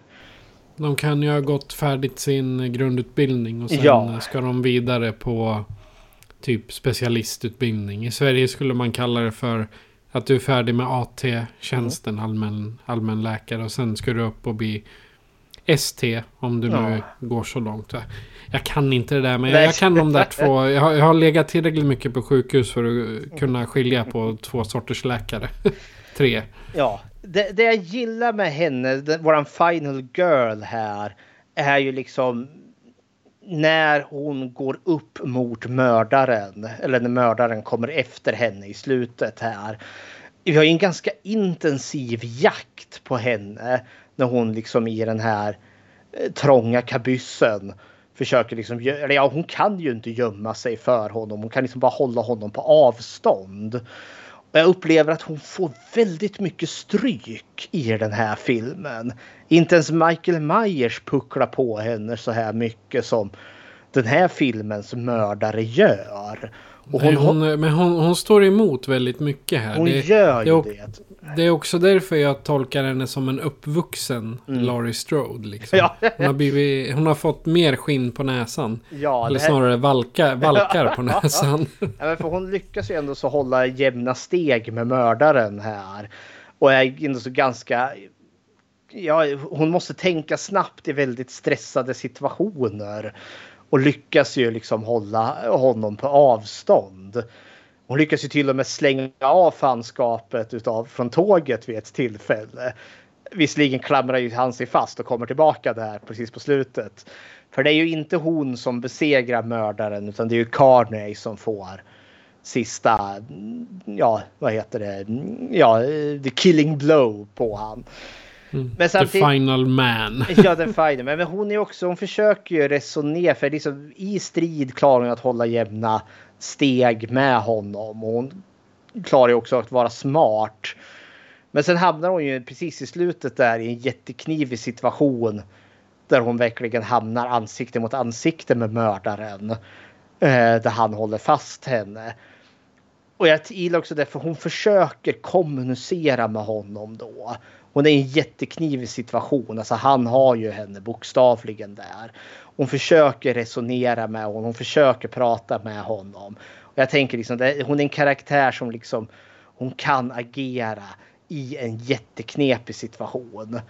Eh, och ja, det står ju henne väl. Det, hon lyckas ju ja, hålla honom tillräckligt länge för att Carney ska dyka upp och rädda henne ur situationen. Så hej hopp. Men jag gillar Elena. Jag tycker det är en bra karaktär. Även om, den, även om den delad huvudroll. Jag tror jag gillar Laurie Strode bättre. Eh, men jag tycker Elena är en väldigt kraftfull final girl. Men det är att just Jamie Lee Curtis, hon... Eh, hennes roller har jag tolkat som att antingen så spelar, om man bortser från Terror Train, mm -hmm. så antingen har hon spelat en halvtrasig tonåring, mm -hmm. alltså i form av Laurie Strode, eller en eh, liksom en medelålders traumatiserad. Då tänker jag H2O eller ja. Eh, Halloween 2018. Eh, ja. Liksom. Och sen samma sak, hon spelar ju i Scream Queens också. Och där är hon alkoholiserad rektor på en flickskola. Liksom. Ja men du, du förstår vad jag tänker ja. här. För jag har liksom inte sett några filmer som är mitt emellan där. Mm. Men det kan också vara för att jag är, har varit så dålig på att tänka på vem det är som spelar. Ja, det var, det var, det var ägnad tid åt uh, Jamie Lee Curtis. Vem ja, har du att bjuda på sen? Det är Doc, skitstöveln här. Doc spelad av Hart Brochner. Eh, och vilket namn. Svårt att uttala. och han är ju, ja, elakingen egentligen utav det här ungdomsgänget. Eh, vad, vad, vad har du för känslor och tankar inför den här karaktären? Han är en mobbare. Ja det är han, helt klart. Och jag vet inte var, varför Alana, eh, hon hoppar ju i och för sig med, med i hans. Nu är jag tillbaka på, mm. på Jamie Lee Curtis här, men hennes karaktär verkar eh, klänga sig fast vid Bad Boys. Mm. Ja det är väl snarare För... hennes pojkvän Mo. Han, de sitter ju lite fast vid höften. Doc och Mo förstår vi. Ja, det är, det är där jag tänker. Alltså en, en tanke jag har här det är att kanske att eh, Doc har varit plågoande till Mo. Mm. Och sen har han helt plötsligt be bestämt sig för att ja men Mo är schysst. Kom du får leka med mig. Ja, det typ men, så. Jag tolkar för nu, nu har vi ju nämnt Mo här också, men alltså för, för uh, Mo och Doc eh, verkar ju vara som att de ändå har form av vänner med ett komplicerat förhållande. Men det jag tolkar är ju också att Doc är ju partyprissen. Vi förstår liksom att han arrangerar fester och har sig. Men han är också en practical joker utav den mer elakare naturen. För hans sätt utav skämt är alltid på någon annans bekostnad. Eh, när, han, när han gör practical jokes då far folk illa. Och det, för att han har väl en sadistisk läggning. Men han är väl också en rolig person att ha att göra med. Och det är det jag tolkar lite det här liksom gänget. När de har varit yngre har de säkert, han har säkert varit ett blast att ha att göra med. Men nu har ju de här liksom vuxit upp, de har blivit äldre, de är liksom färdiga doktorer eller snart färdiga. Men den här dock-karaktären, han har inte vuxit upp. Han är kvar i sitt jävla gamla trams. Och jag känner liksom att, förlåt. Eh, om han är kvar på high school fortfarande. Ja, och jag känner väl att de andra karaktärerna har nog vuxit ifrån honom lite. Men samtidigt är han en form av koppling tillbaka till deras ungdomliga jag när man hade party och kul. Så man liksom man tolererar honom. Och sen är det väl också just det här, för det är en, en giftig vänskap här. Alltså de borde göra sig av, alltså kapa bandet med honom. För han är inte en bra person att ha att göra med. Men det kanske inte alltid genom enkelt heller att göra det. Alltså, alltså det, när man har haft en mångårig bekantskap och sen har man insett lite senare att ja, den här, det har inte varit bra. Jag kan förstå att det är inte hur enkelt som helst att kapa det. Nej, och sen tror jag att eh, han kan vara lite narcissistisk. Mm. Alltså nu, nu går vi deep shit här. Men jag tänker, för han, han verkar ju se att om han klantar sig, då är det alla andras fel. Ja, det är det. Nu har jag precis ly lyssnat på en podd om eh, vad, hur en, en narcissist be beter sig. Det är därför jag har lite åsikter om honom. Mm. För han lägger ju alltid felet på antingen Alana eller Mo eller eh, vad heter han nu? Eh, eh, mobboffret. Kenny. Ja, Kenny, ja. Ja, han lägger ju all, det är aldrig hans fel utan det är Kenny som gör att han måste mobba honom. Mm. Eller det är Alana som gör att han ja, inte får det han vill ha. För han, han är väl iväg och vänstrar med Mitchi också. Ja, mi, mi, Mitchi, eller är. Mitchi är ju Docs flickvän. Eh, okay. och, men han sticker ju iväg med en annan tjej där sen. Mm. och Mitchi ser ju det och blir väl liksom. Och vi förstår på hennes reaktion att det här är nog inte första gången han gör det här. För hon Nej. har också sen, ja också egentligen, hon är i en dålig relation. Och det jag tänker, för det fanns nyanser här som jag fångade upp som jag inte riktigt tänkt på förut. För det kommer en, eh, för Alana har följt med på den här partyt för att eh, hennes pojkvän Mo har sagt att det är han som har planerat det.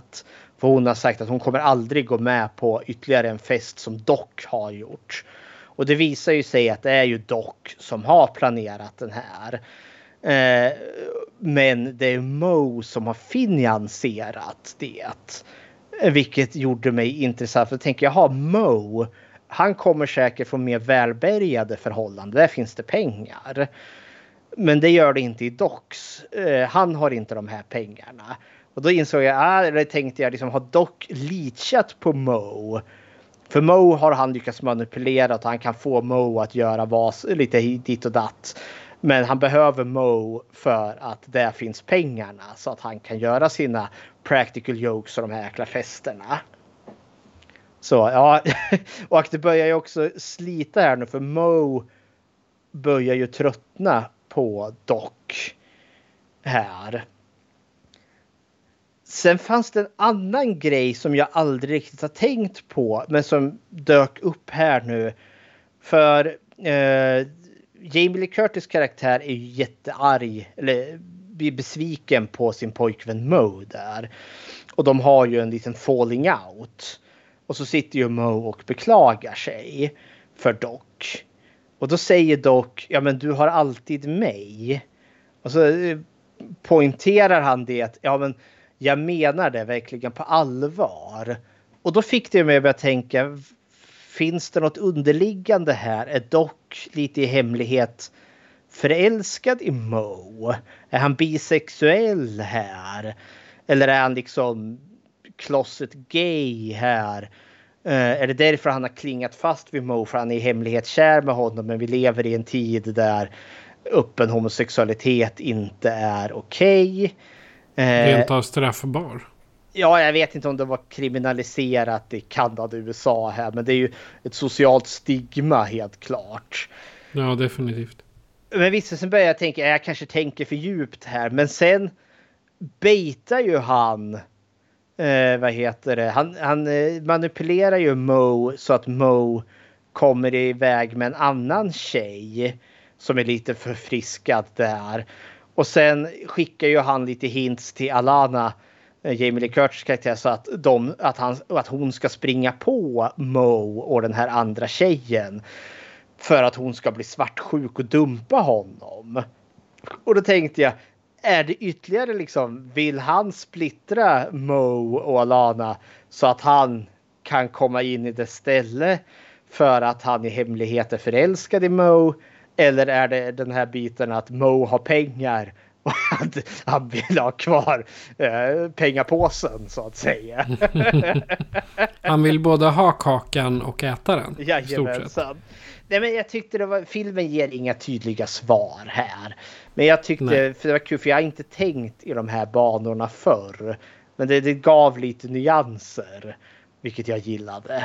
Men i, Att det ska behöva ta över 40 år innan eh, man inser att någonting sånt finns det i manuset. Eller så har de, eller, eller så har de skrivit det omedvetet att det bara att de bara är så. Men det finns ju ändå så ett hbtq-tema i den här filmen.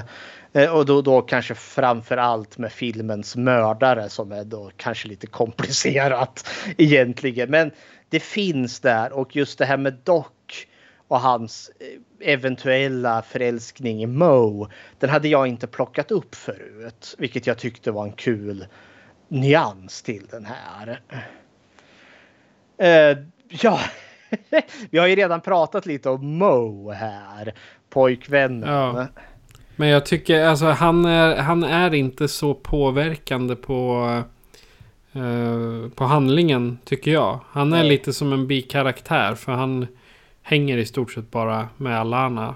Och jag, jag kunde inte placera in honom i något, någon, någon form av avgörande scen eller händelse för att vända eller vrida filmen. Nej, och det är väl just det här också att det är mer utav det här karaktärsdramat de här karaktärerna sinsemellan. Med en slasher i bakgrunden. Så det är ju egentligen mer liksom som ett såpopera där folk liksom Äsch, det är ju relationer som går i krasch här och hemliga förälskelser och liksom. Eh, det är det som jag tycker är lite roligt med det. Men han är ju Mo är ju lite utav, ja men det är en ganska bland karaktär. Uh, och jag önskar att det kanske kunde funnits lite mer att man flashar ut den här lite giftiga relationen mellan Doc och Mo. Att uh, ja, hans relation till Alana är ju verkligen hänger ju i luften här på grund av att han inte kan släppa sin barndomskamrat eh, eh, Doc där. Och just det, jag vill återvända till Doc för jag upptäckte ju en kul grej. Han är ju med i Die Hard. Eh, Ja. Hart Brockner. Fast det är inte någon, det är inte någon jättestor roll. Ja men han spelar ju Ellis där, skitstöveln i den filmen. Han som tror att han kan, vad heter det, vad är det, deala med Hans Gruber där, Alan Rickmans karaktär. Ja, Just det, när han liksom tror att han har honom på samma sida. Och sen skjuter Rickman, eller skjuter Hans Gruber honom i huvudet där. Så jag vet inte om han fick någon karriär av att spela skitstövlar. han har, alltså han har ju inte så mycket roller. Nej. Det han hade någon, eh, han har lite tv-serier och tv. Det är samma med, med Mo, alltså nu kommer jag inte ihåg, eh, Timothy Webber. Han har ju nästan bara tv och biroller också. Ja. Så att de, de gick nog vidare och vart typ psykologer eller eh, butiksbiträden. ja de, två stor, tjänade mer på det. de två stora namnen i den här det är ju Ben Johnson och Jamie Lee Curtis. Och Ben Johnson hade ju en ganska aktiv filmkarriär innan han gjorde Terror Train. Sen Så- har vi en tredje ganska mm, välkänd. Mhm. Ett ganska stort namn också. Mr Copperfield. Ja just det. ja det, det är sant. David Copperfield hade också en ganska stor karriär efter det här. Sen, Ja, han hade en redan innan. Så. ja. Sen har vi inte så, alltså vi har ju lite mer mordoffer. Vi har ju Mitch, Sandra Curry, Docs flickvän. Vi har Jackson, den mörkhyade killen. Och så har vi Ed, typ det första mordoffret där. Och de har väl inte så mycket man kan ge dem tycker jag. Alltså de är mer kanonmat. Men man ska ge dem att den här filmen ger dem åtminstone lite mer alltså möjlighet eller ger dem tid att bli lite mer utav en anonym mordoffer. De får lite karaktär ändå. Men det är inte mycket att hänga ju. Men det är ju också att vi har en mörkhyad karaktär. Även om Ja. han avlivas ganska snabbt i den här filmen. Men det, Black guy always dies first. Det är man så. brukar säga, men här, här dog, eh, han var andra att dö. Så, Ja, men ja, ja. Ja, är vi nöjda med våra karaktärer? Ja, det, det, det tycker jag. För det finns inte så mycket mer att säga om dem. Det slog mig nu när jag bara sa det att jag vill återvända till Carney, Ben Johnson. Våran eh, 60-åriga lead här. Eh, det jag vill ge är att han känns ändå så, som sagt en väldigt positiv karaktär. Och vad jag har läst om den här filmen så var han också faktiskt genuint intresserad av att göra den här filmen. För ibland blir det ju så här, ja men äldre skådespelare som har haft en tidigare karriär där på 50-60-talet och nu slängs han bara in för att han liksom behöver, han får väl pengar och han är ett stort namn som man kan slänga på affischen. Och eh, man har ju sett sådana filmer där man liksom, de bara halvarslar sig igenom rollen. Men det upplever jag inte med Ben Johnson. Vilket jag tycker är uppfriskande. För den här typen utav film, slasherfilmerna, var ju synnerligen utskällda. Eh, det var ju trashiga filmer, det var dåliga filmer. Kritikerna hatade dem. Eh, så att han då inte, att han då skulle vara med i en sån här film var flera skådespelare av hans kaliber hade tackat nej till det för det är liksom under deras värdighet. Men det upplever jag inte med den här filmen. Då förstod det sen att Ben Johnson tyckte ju faktiskt att det här var en genuint bra, alltså rolig film att göra. Och det märks lite på hela filmproduktionen att de måste ha haft ganska kul att göra den här. Ja, det, Men det är väl han, eh, han ville lämna sin we- westernkarriär. Jag menar, 90% av hans filmer är ju we- westerns. ja.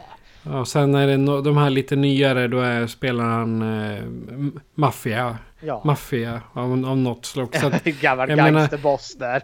ja, exakt. Eh, Han dog, han dog 96. Så Mm. att, eh, eh, Eh, 77 år gammal. Eh, men eh, i alla fall så... Det kan ju vara kul för honom att spela någonting annat än en revolverman. Typ. Ja, men han är också bra på att Och han och J.B. Lee Curtis när de spelar mot varandra. Man, man märker liksom att det är, det är faktiskt skådespelartalang i den här filmen. Jag menar slasherfilmerna har drunknar i lågbudgetskit med folk med noll skådespelartalang i. Definitivt. Men, men Terror Train är inte en utav dem. Nej. Nej. Eh, då... Platsen är, är inte så svår. Eh, vi, är på två, vi, är, vi är på två ställen. Ett tåg och eh, utanför en eh, studentbyggnad. Ja. Och tåget, där läste jag, lä, läste jag på lite. Ehm, de använde alltså ett gammalt lokstall i Montreal. Och de klippte helt sonika upp ett tåg för att ha plats med eh, eh, kamerautrustning och sådär. Så att det, det, budgeten på den här filmen var ju typ 3,5 miljon dollar och då kan man ju tänka sig vart de pengarna gick. Men alltså jag är imponerad av den här ändå för det är en extremt otacksam miljö att spela in en film på. Ja. Just alltså konceptet i sig tycker jag är ganska alltså en slasher på ett tåg. Konceptet roligt. Det är lite mordet på Orientexpressen nu spelas ju också på tåg. Eller Strangers on a train. Ja, eh, nej men just hela, eh, men det är just, jag förstår omaket. Alla de här trånga jävla korridorerna. Eh, och ha de här stora otympliga kamerautrustningarna. Det måste ha varit ett jäkla härk att göra det. För jag vet, jag har ju sett andra filmer där man har de här studiolokalerna. Eh, jag vet vi pratade om, eh, vi var ju med i ett avsnitt i Film i fikat när vi kollade på den här filmen Malignant. Eh, och då hade vi det där smala jävla huset som vi får se. Eh, uh, Man får se ett exterior shot och det är liksom ett pinsmalt hus där. Liksom, oh, det är spökligt sådär.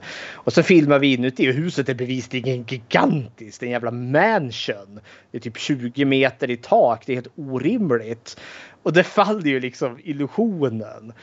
Men det gör det inte i den här filmen för de är liksom i den här trånga jäkla tåget och de trånga tågvagnarna.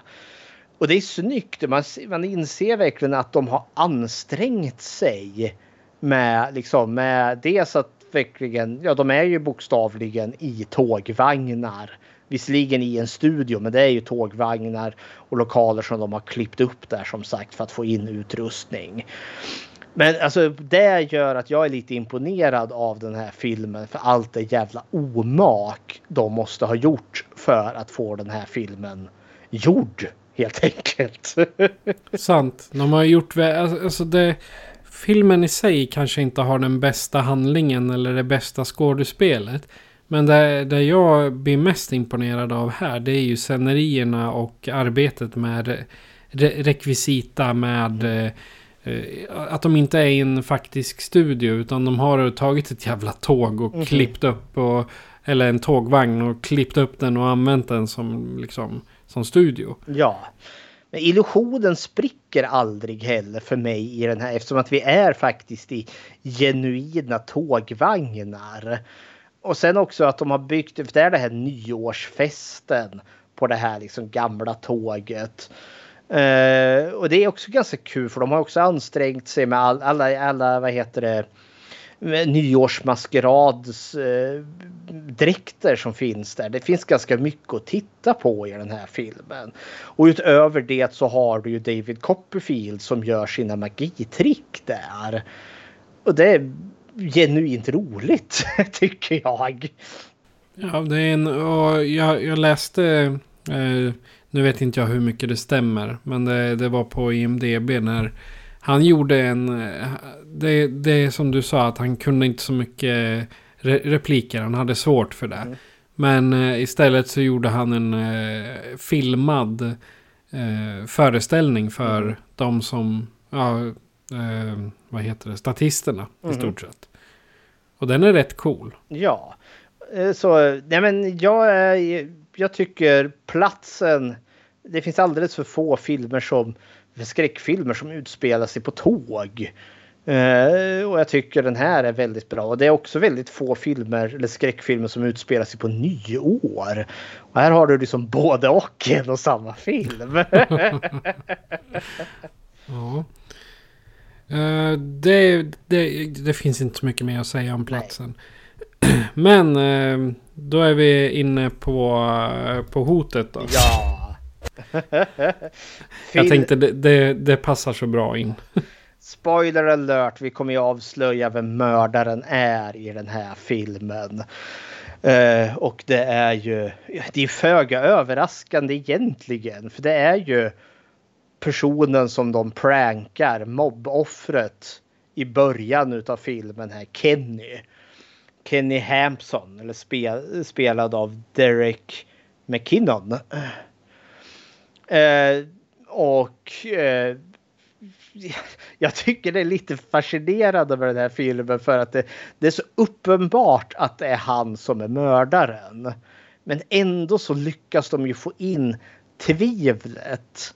De lyckas liksom så att ja, men ja, kanske ändå är det David Copperfield som är mördaren. Eh, och ja, och en annan kul grej eh, för eh, när jag såg den här första gången. Det finns ju lite, för mig var det åtminstone en mindblow. För det här, vi har ju en maskerad mördare och det kommer ju i slutet och masken åker av och sanna identiteten avslöjas. Åh nej, det var han hela tiden. Och ska ju vara sånt flämt. Men här tycker jag det är så kul. För jag såg det inte första gången. Alltså mördaren har ju gömt sig helt öppet under filmens gång. Vi har ju sett mördarens ansikte. Och det är också det som är så bra, för jag såg, vi såg ju också mördaren i början så vi vet ju hur han ser ut.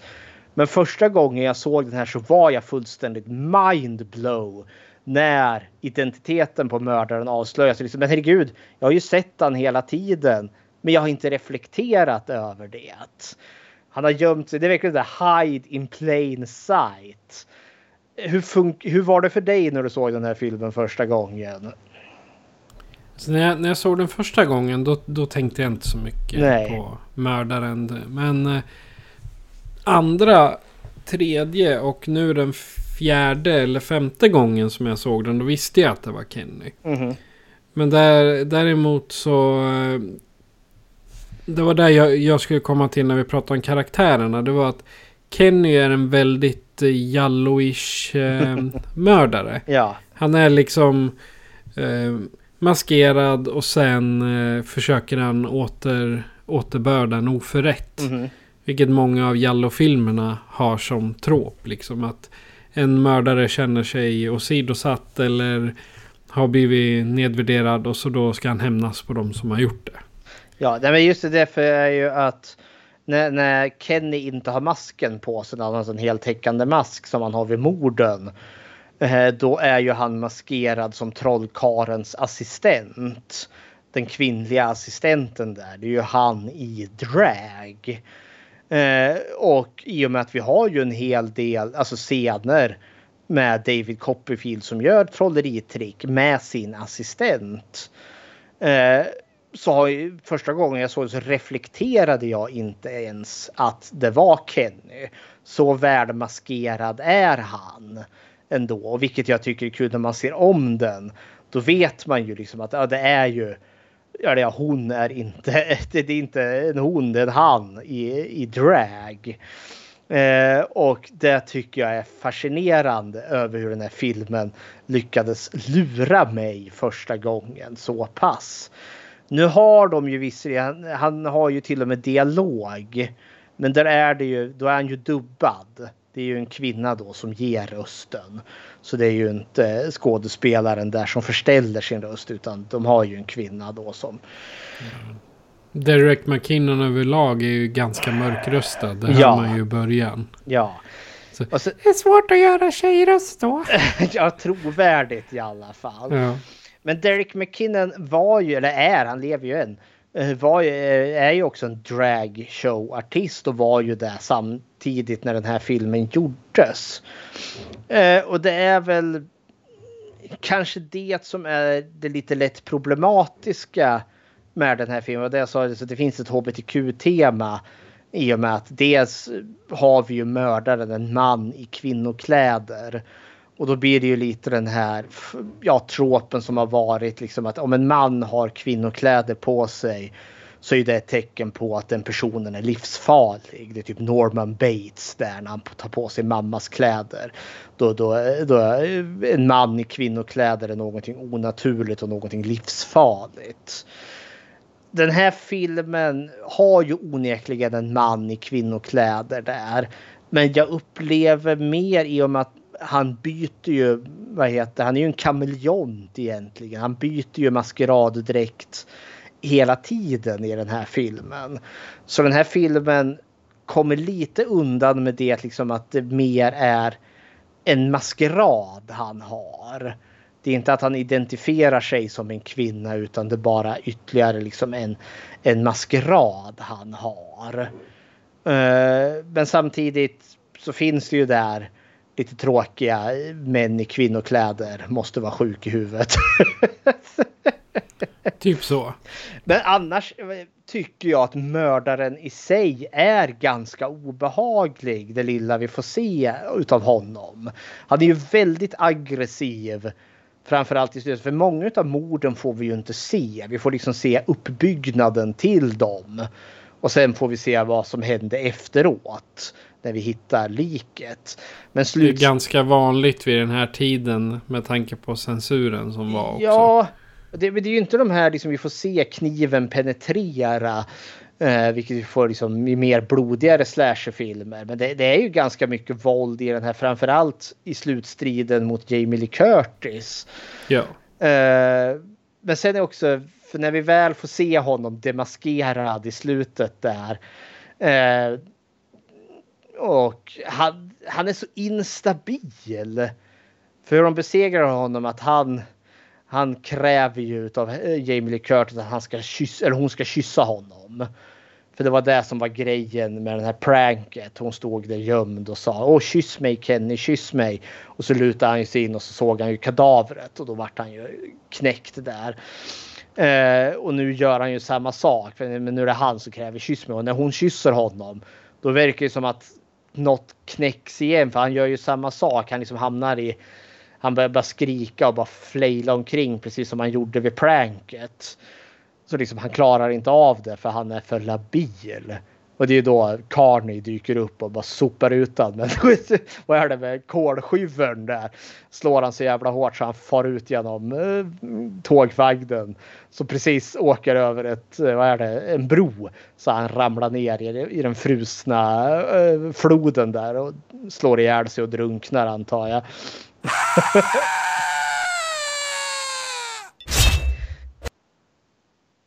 Alltså, han, han, funkar. Alltså det finns en viss eh, som är så här slasher-tråp att han har en jäkla förmåga att lyckas ta sig från plats till plats jävligt snabbt och dessutom liksom byta maskerad.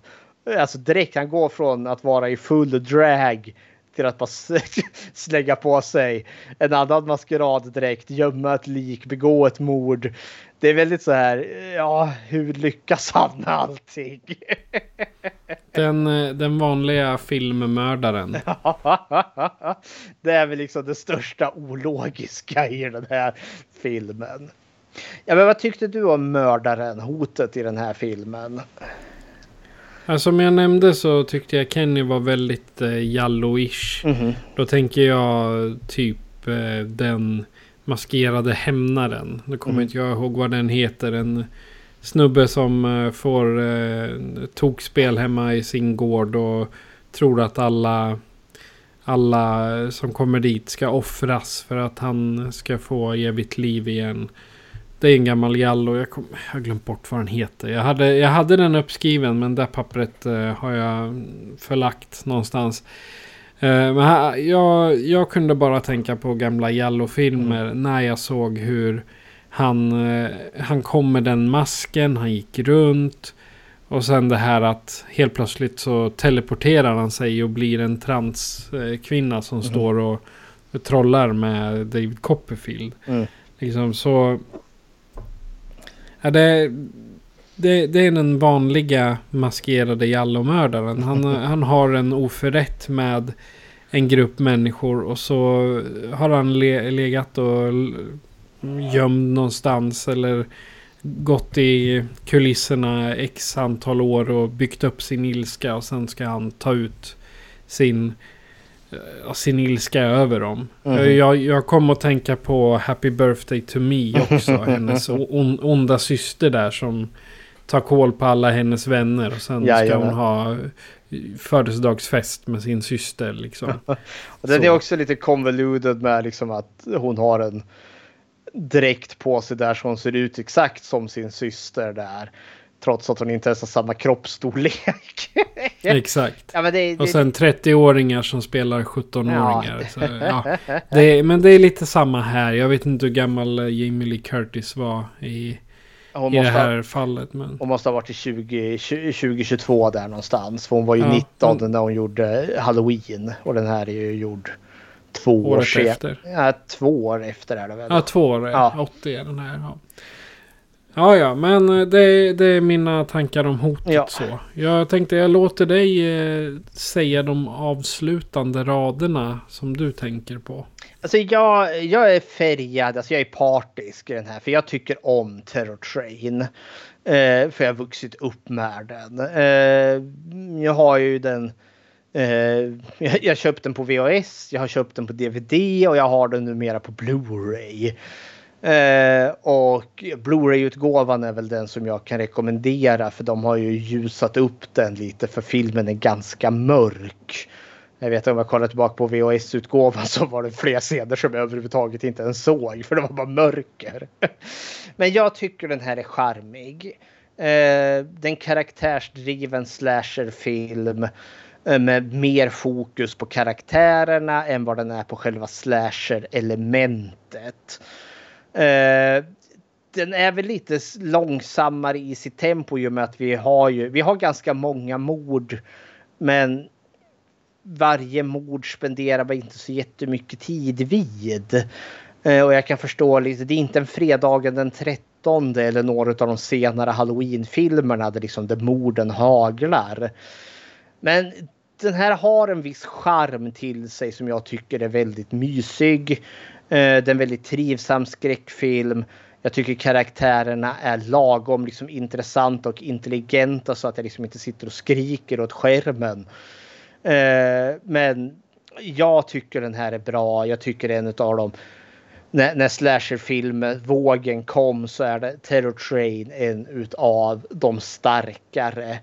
Men det är också en kultrulle. Den här har inte samma höjd som Halloween eller fredagen den 13 eller Terrorn på Elm Street.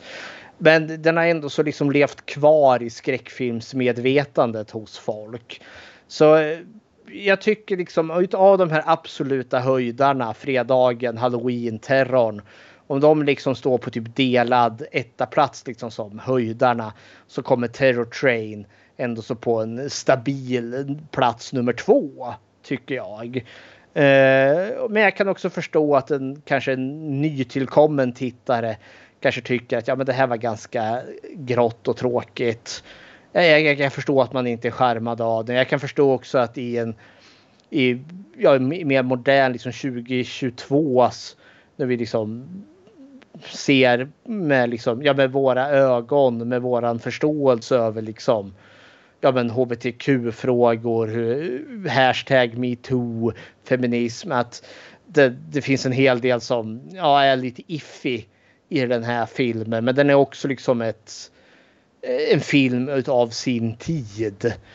Jag personligen tycker den här är väldigt bra. Eh, jag har varit lite överraskad av de nya hbtq-teman som jag kunde hitta i den här filmen. Eh, så jag ger den här två tummar upp. Men jag lägger också in att jag är väldigt färgad av min nostalgi till den här filmen. Så hepp hepp. Jag har, eh, alltså jag, jag sa ganska mycket utav eh, vad jag tyckte om filmen i sig i, i början. Och även under mördaren. Men jag har satt så här i, i efterhand och tänkt att hade det här varit eh, samma trop som Halloween, då hade Kenny slutat på ett mentalsjukhus. Så hade det kommit en uppföljare och han hade blivit eh, lyckats rymma, rymma och sen eh, försökt mörda ytterligare ett tåg med festande ungdomar. Men även om jag tycker Terror Train är kult, alltså en kultig rulle så, så är det fortfarande en genomsnittlig slasher. Det är liksom inte någon extrem body count, det är inte det här superintelligenta skådespelandet, utan den får fyra av fem från mig enbart på grund av kulten och sen att de har lyckats så bra med eh, själva eh, sätten. Alltså kulisser och allting.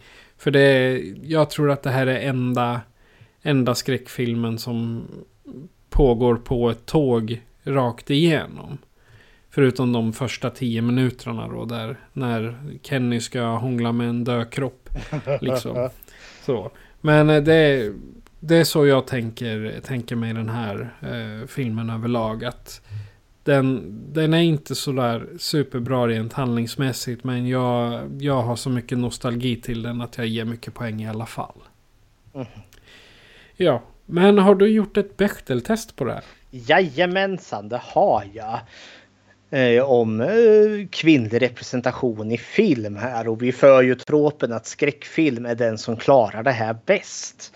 Frågorna är ju tre som vanligt. Finns det eh, två eller mer namngivna kvinnor i den här filmen? Eh, det finns bara två namngivna kvinnor i den här. Vi har Alana och eh, Michi. Eh, och det är Jamie Lee Curtis och eh, Docs eh, flickväns karaktär där. Så den klarar fråga nummer ett. Fråga nummer två. Möter de någonsin varandra? Ja, det gör de flera gånger. De är ju med där och prankar stackars Kenny. Eh, och sen är de ju med på festen på tåget där tillsammans. Så fråga nummer två klarar de. Så fråga nummer tre. Eh, om de möter varandra, pratar om någonting annat än män? Eh, och ja, det fanns en scen där Michi och Alana Eh, sitter och pratar. Eh, för de har hittat varsin hytt eller de har liksom som en sovslaf mitt emot varandra. Och där får vi reda på att eh, Alana eh, Alana och Michi är eh, rumskamrater.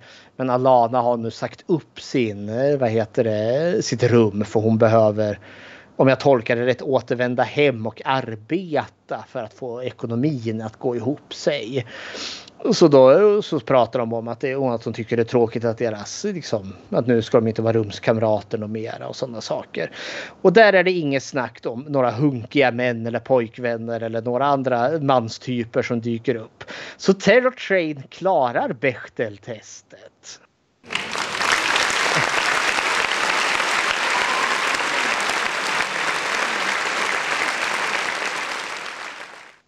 Jag tänkte vi, som sagt, vi sa ju tidigare att 2021 vad heter det, gav vi ju The Year of Dracula, Draculas år. Och eh, nu, vi har beslutat att 2022 ska ju också bli ett år. Och vi har utnämnt det här då till The Year of the King. Så vi ska, eh, precis som vi gjorde med greve Dracula där då, så ska vi ta en liten extra titt på Stephen King tänkte vi. Med jämna mellanrum gör vi ett nedslag i en Stephen King-film där och titta på ja, the, the, good, the bad and the ugly när det kommer till honom.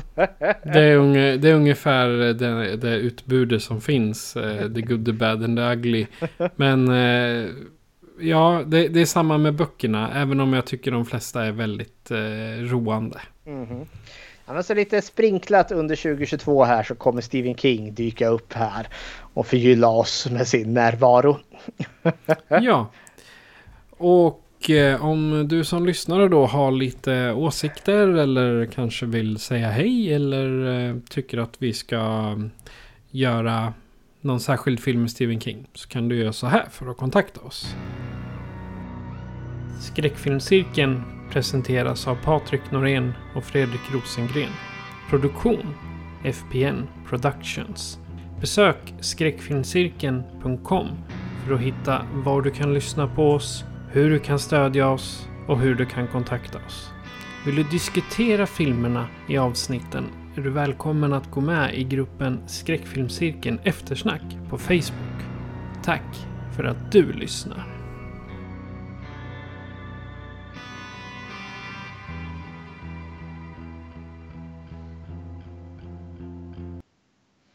Och Fredrik, vad bjuder du på i nästa avsnitt? I nästa avsnitt då kommer vi att avhandla egentligen ett ganska modernt skräckfenomen.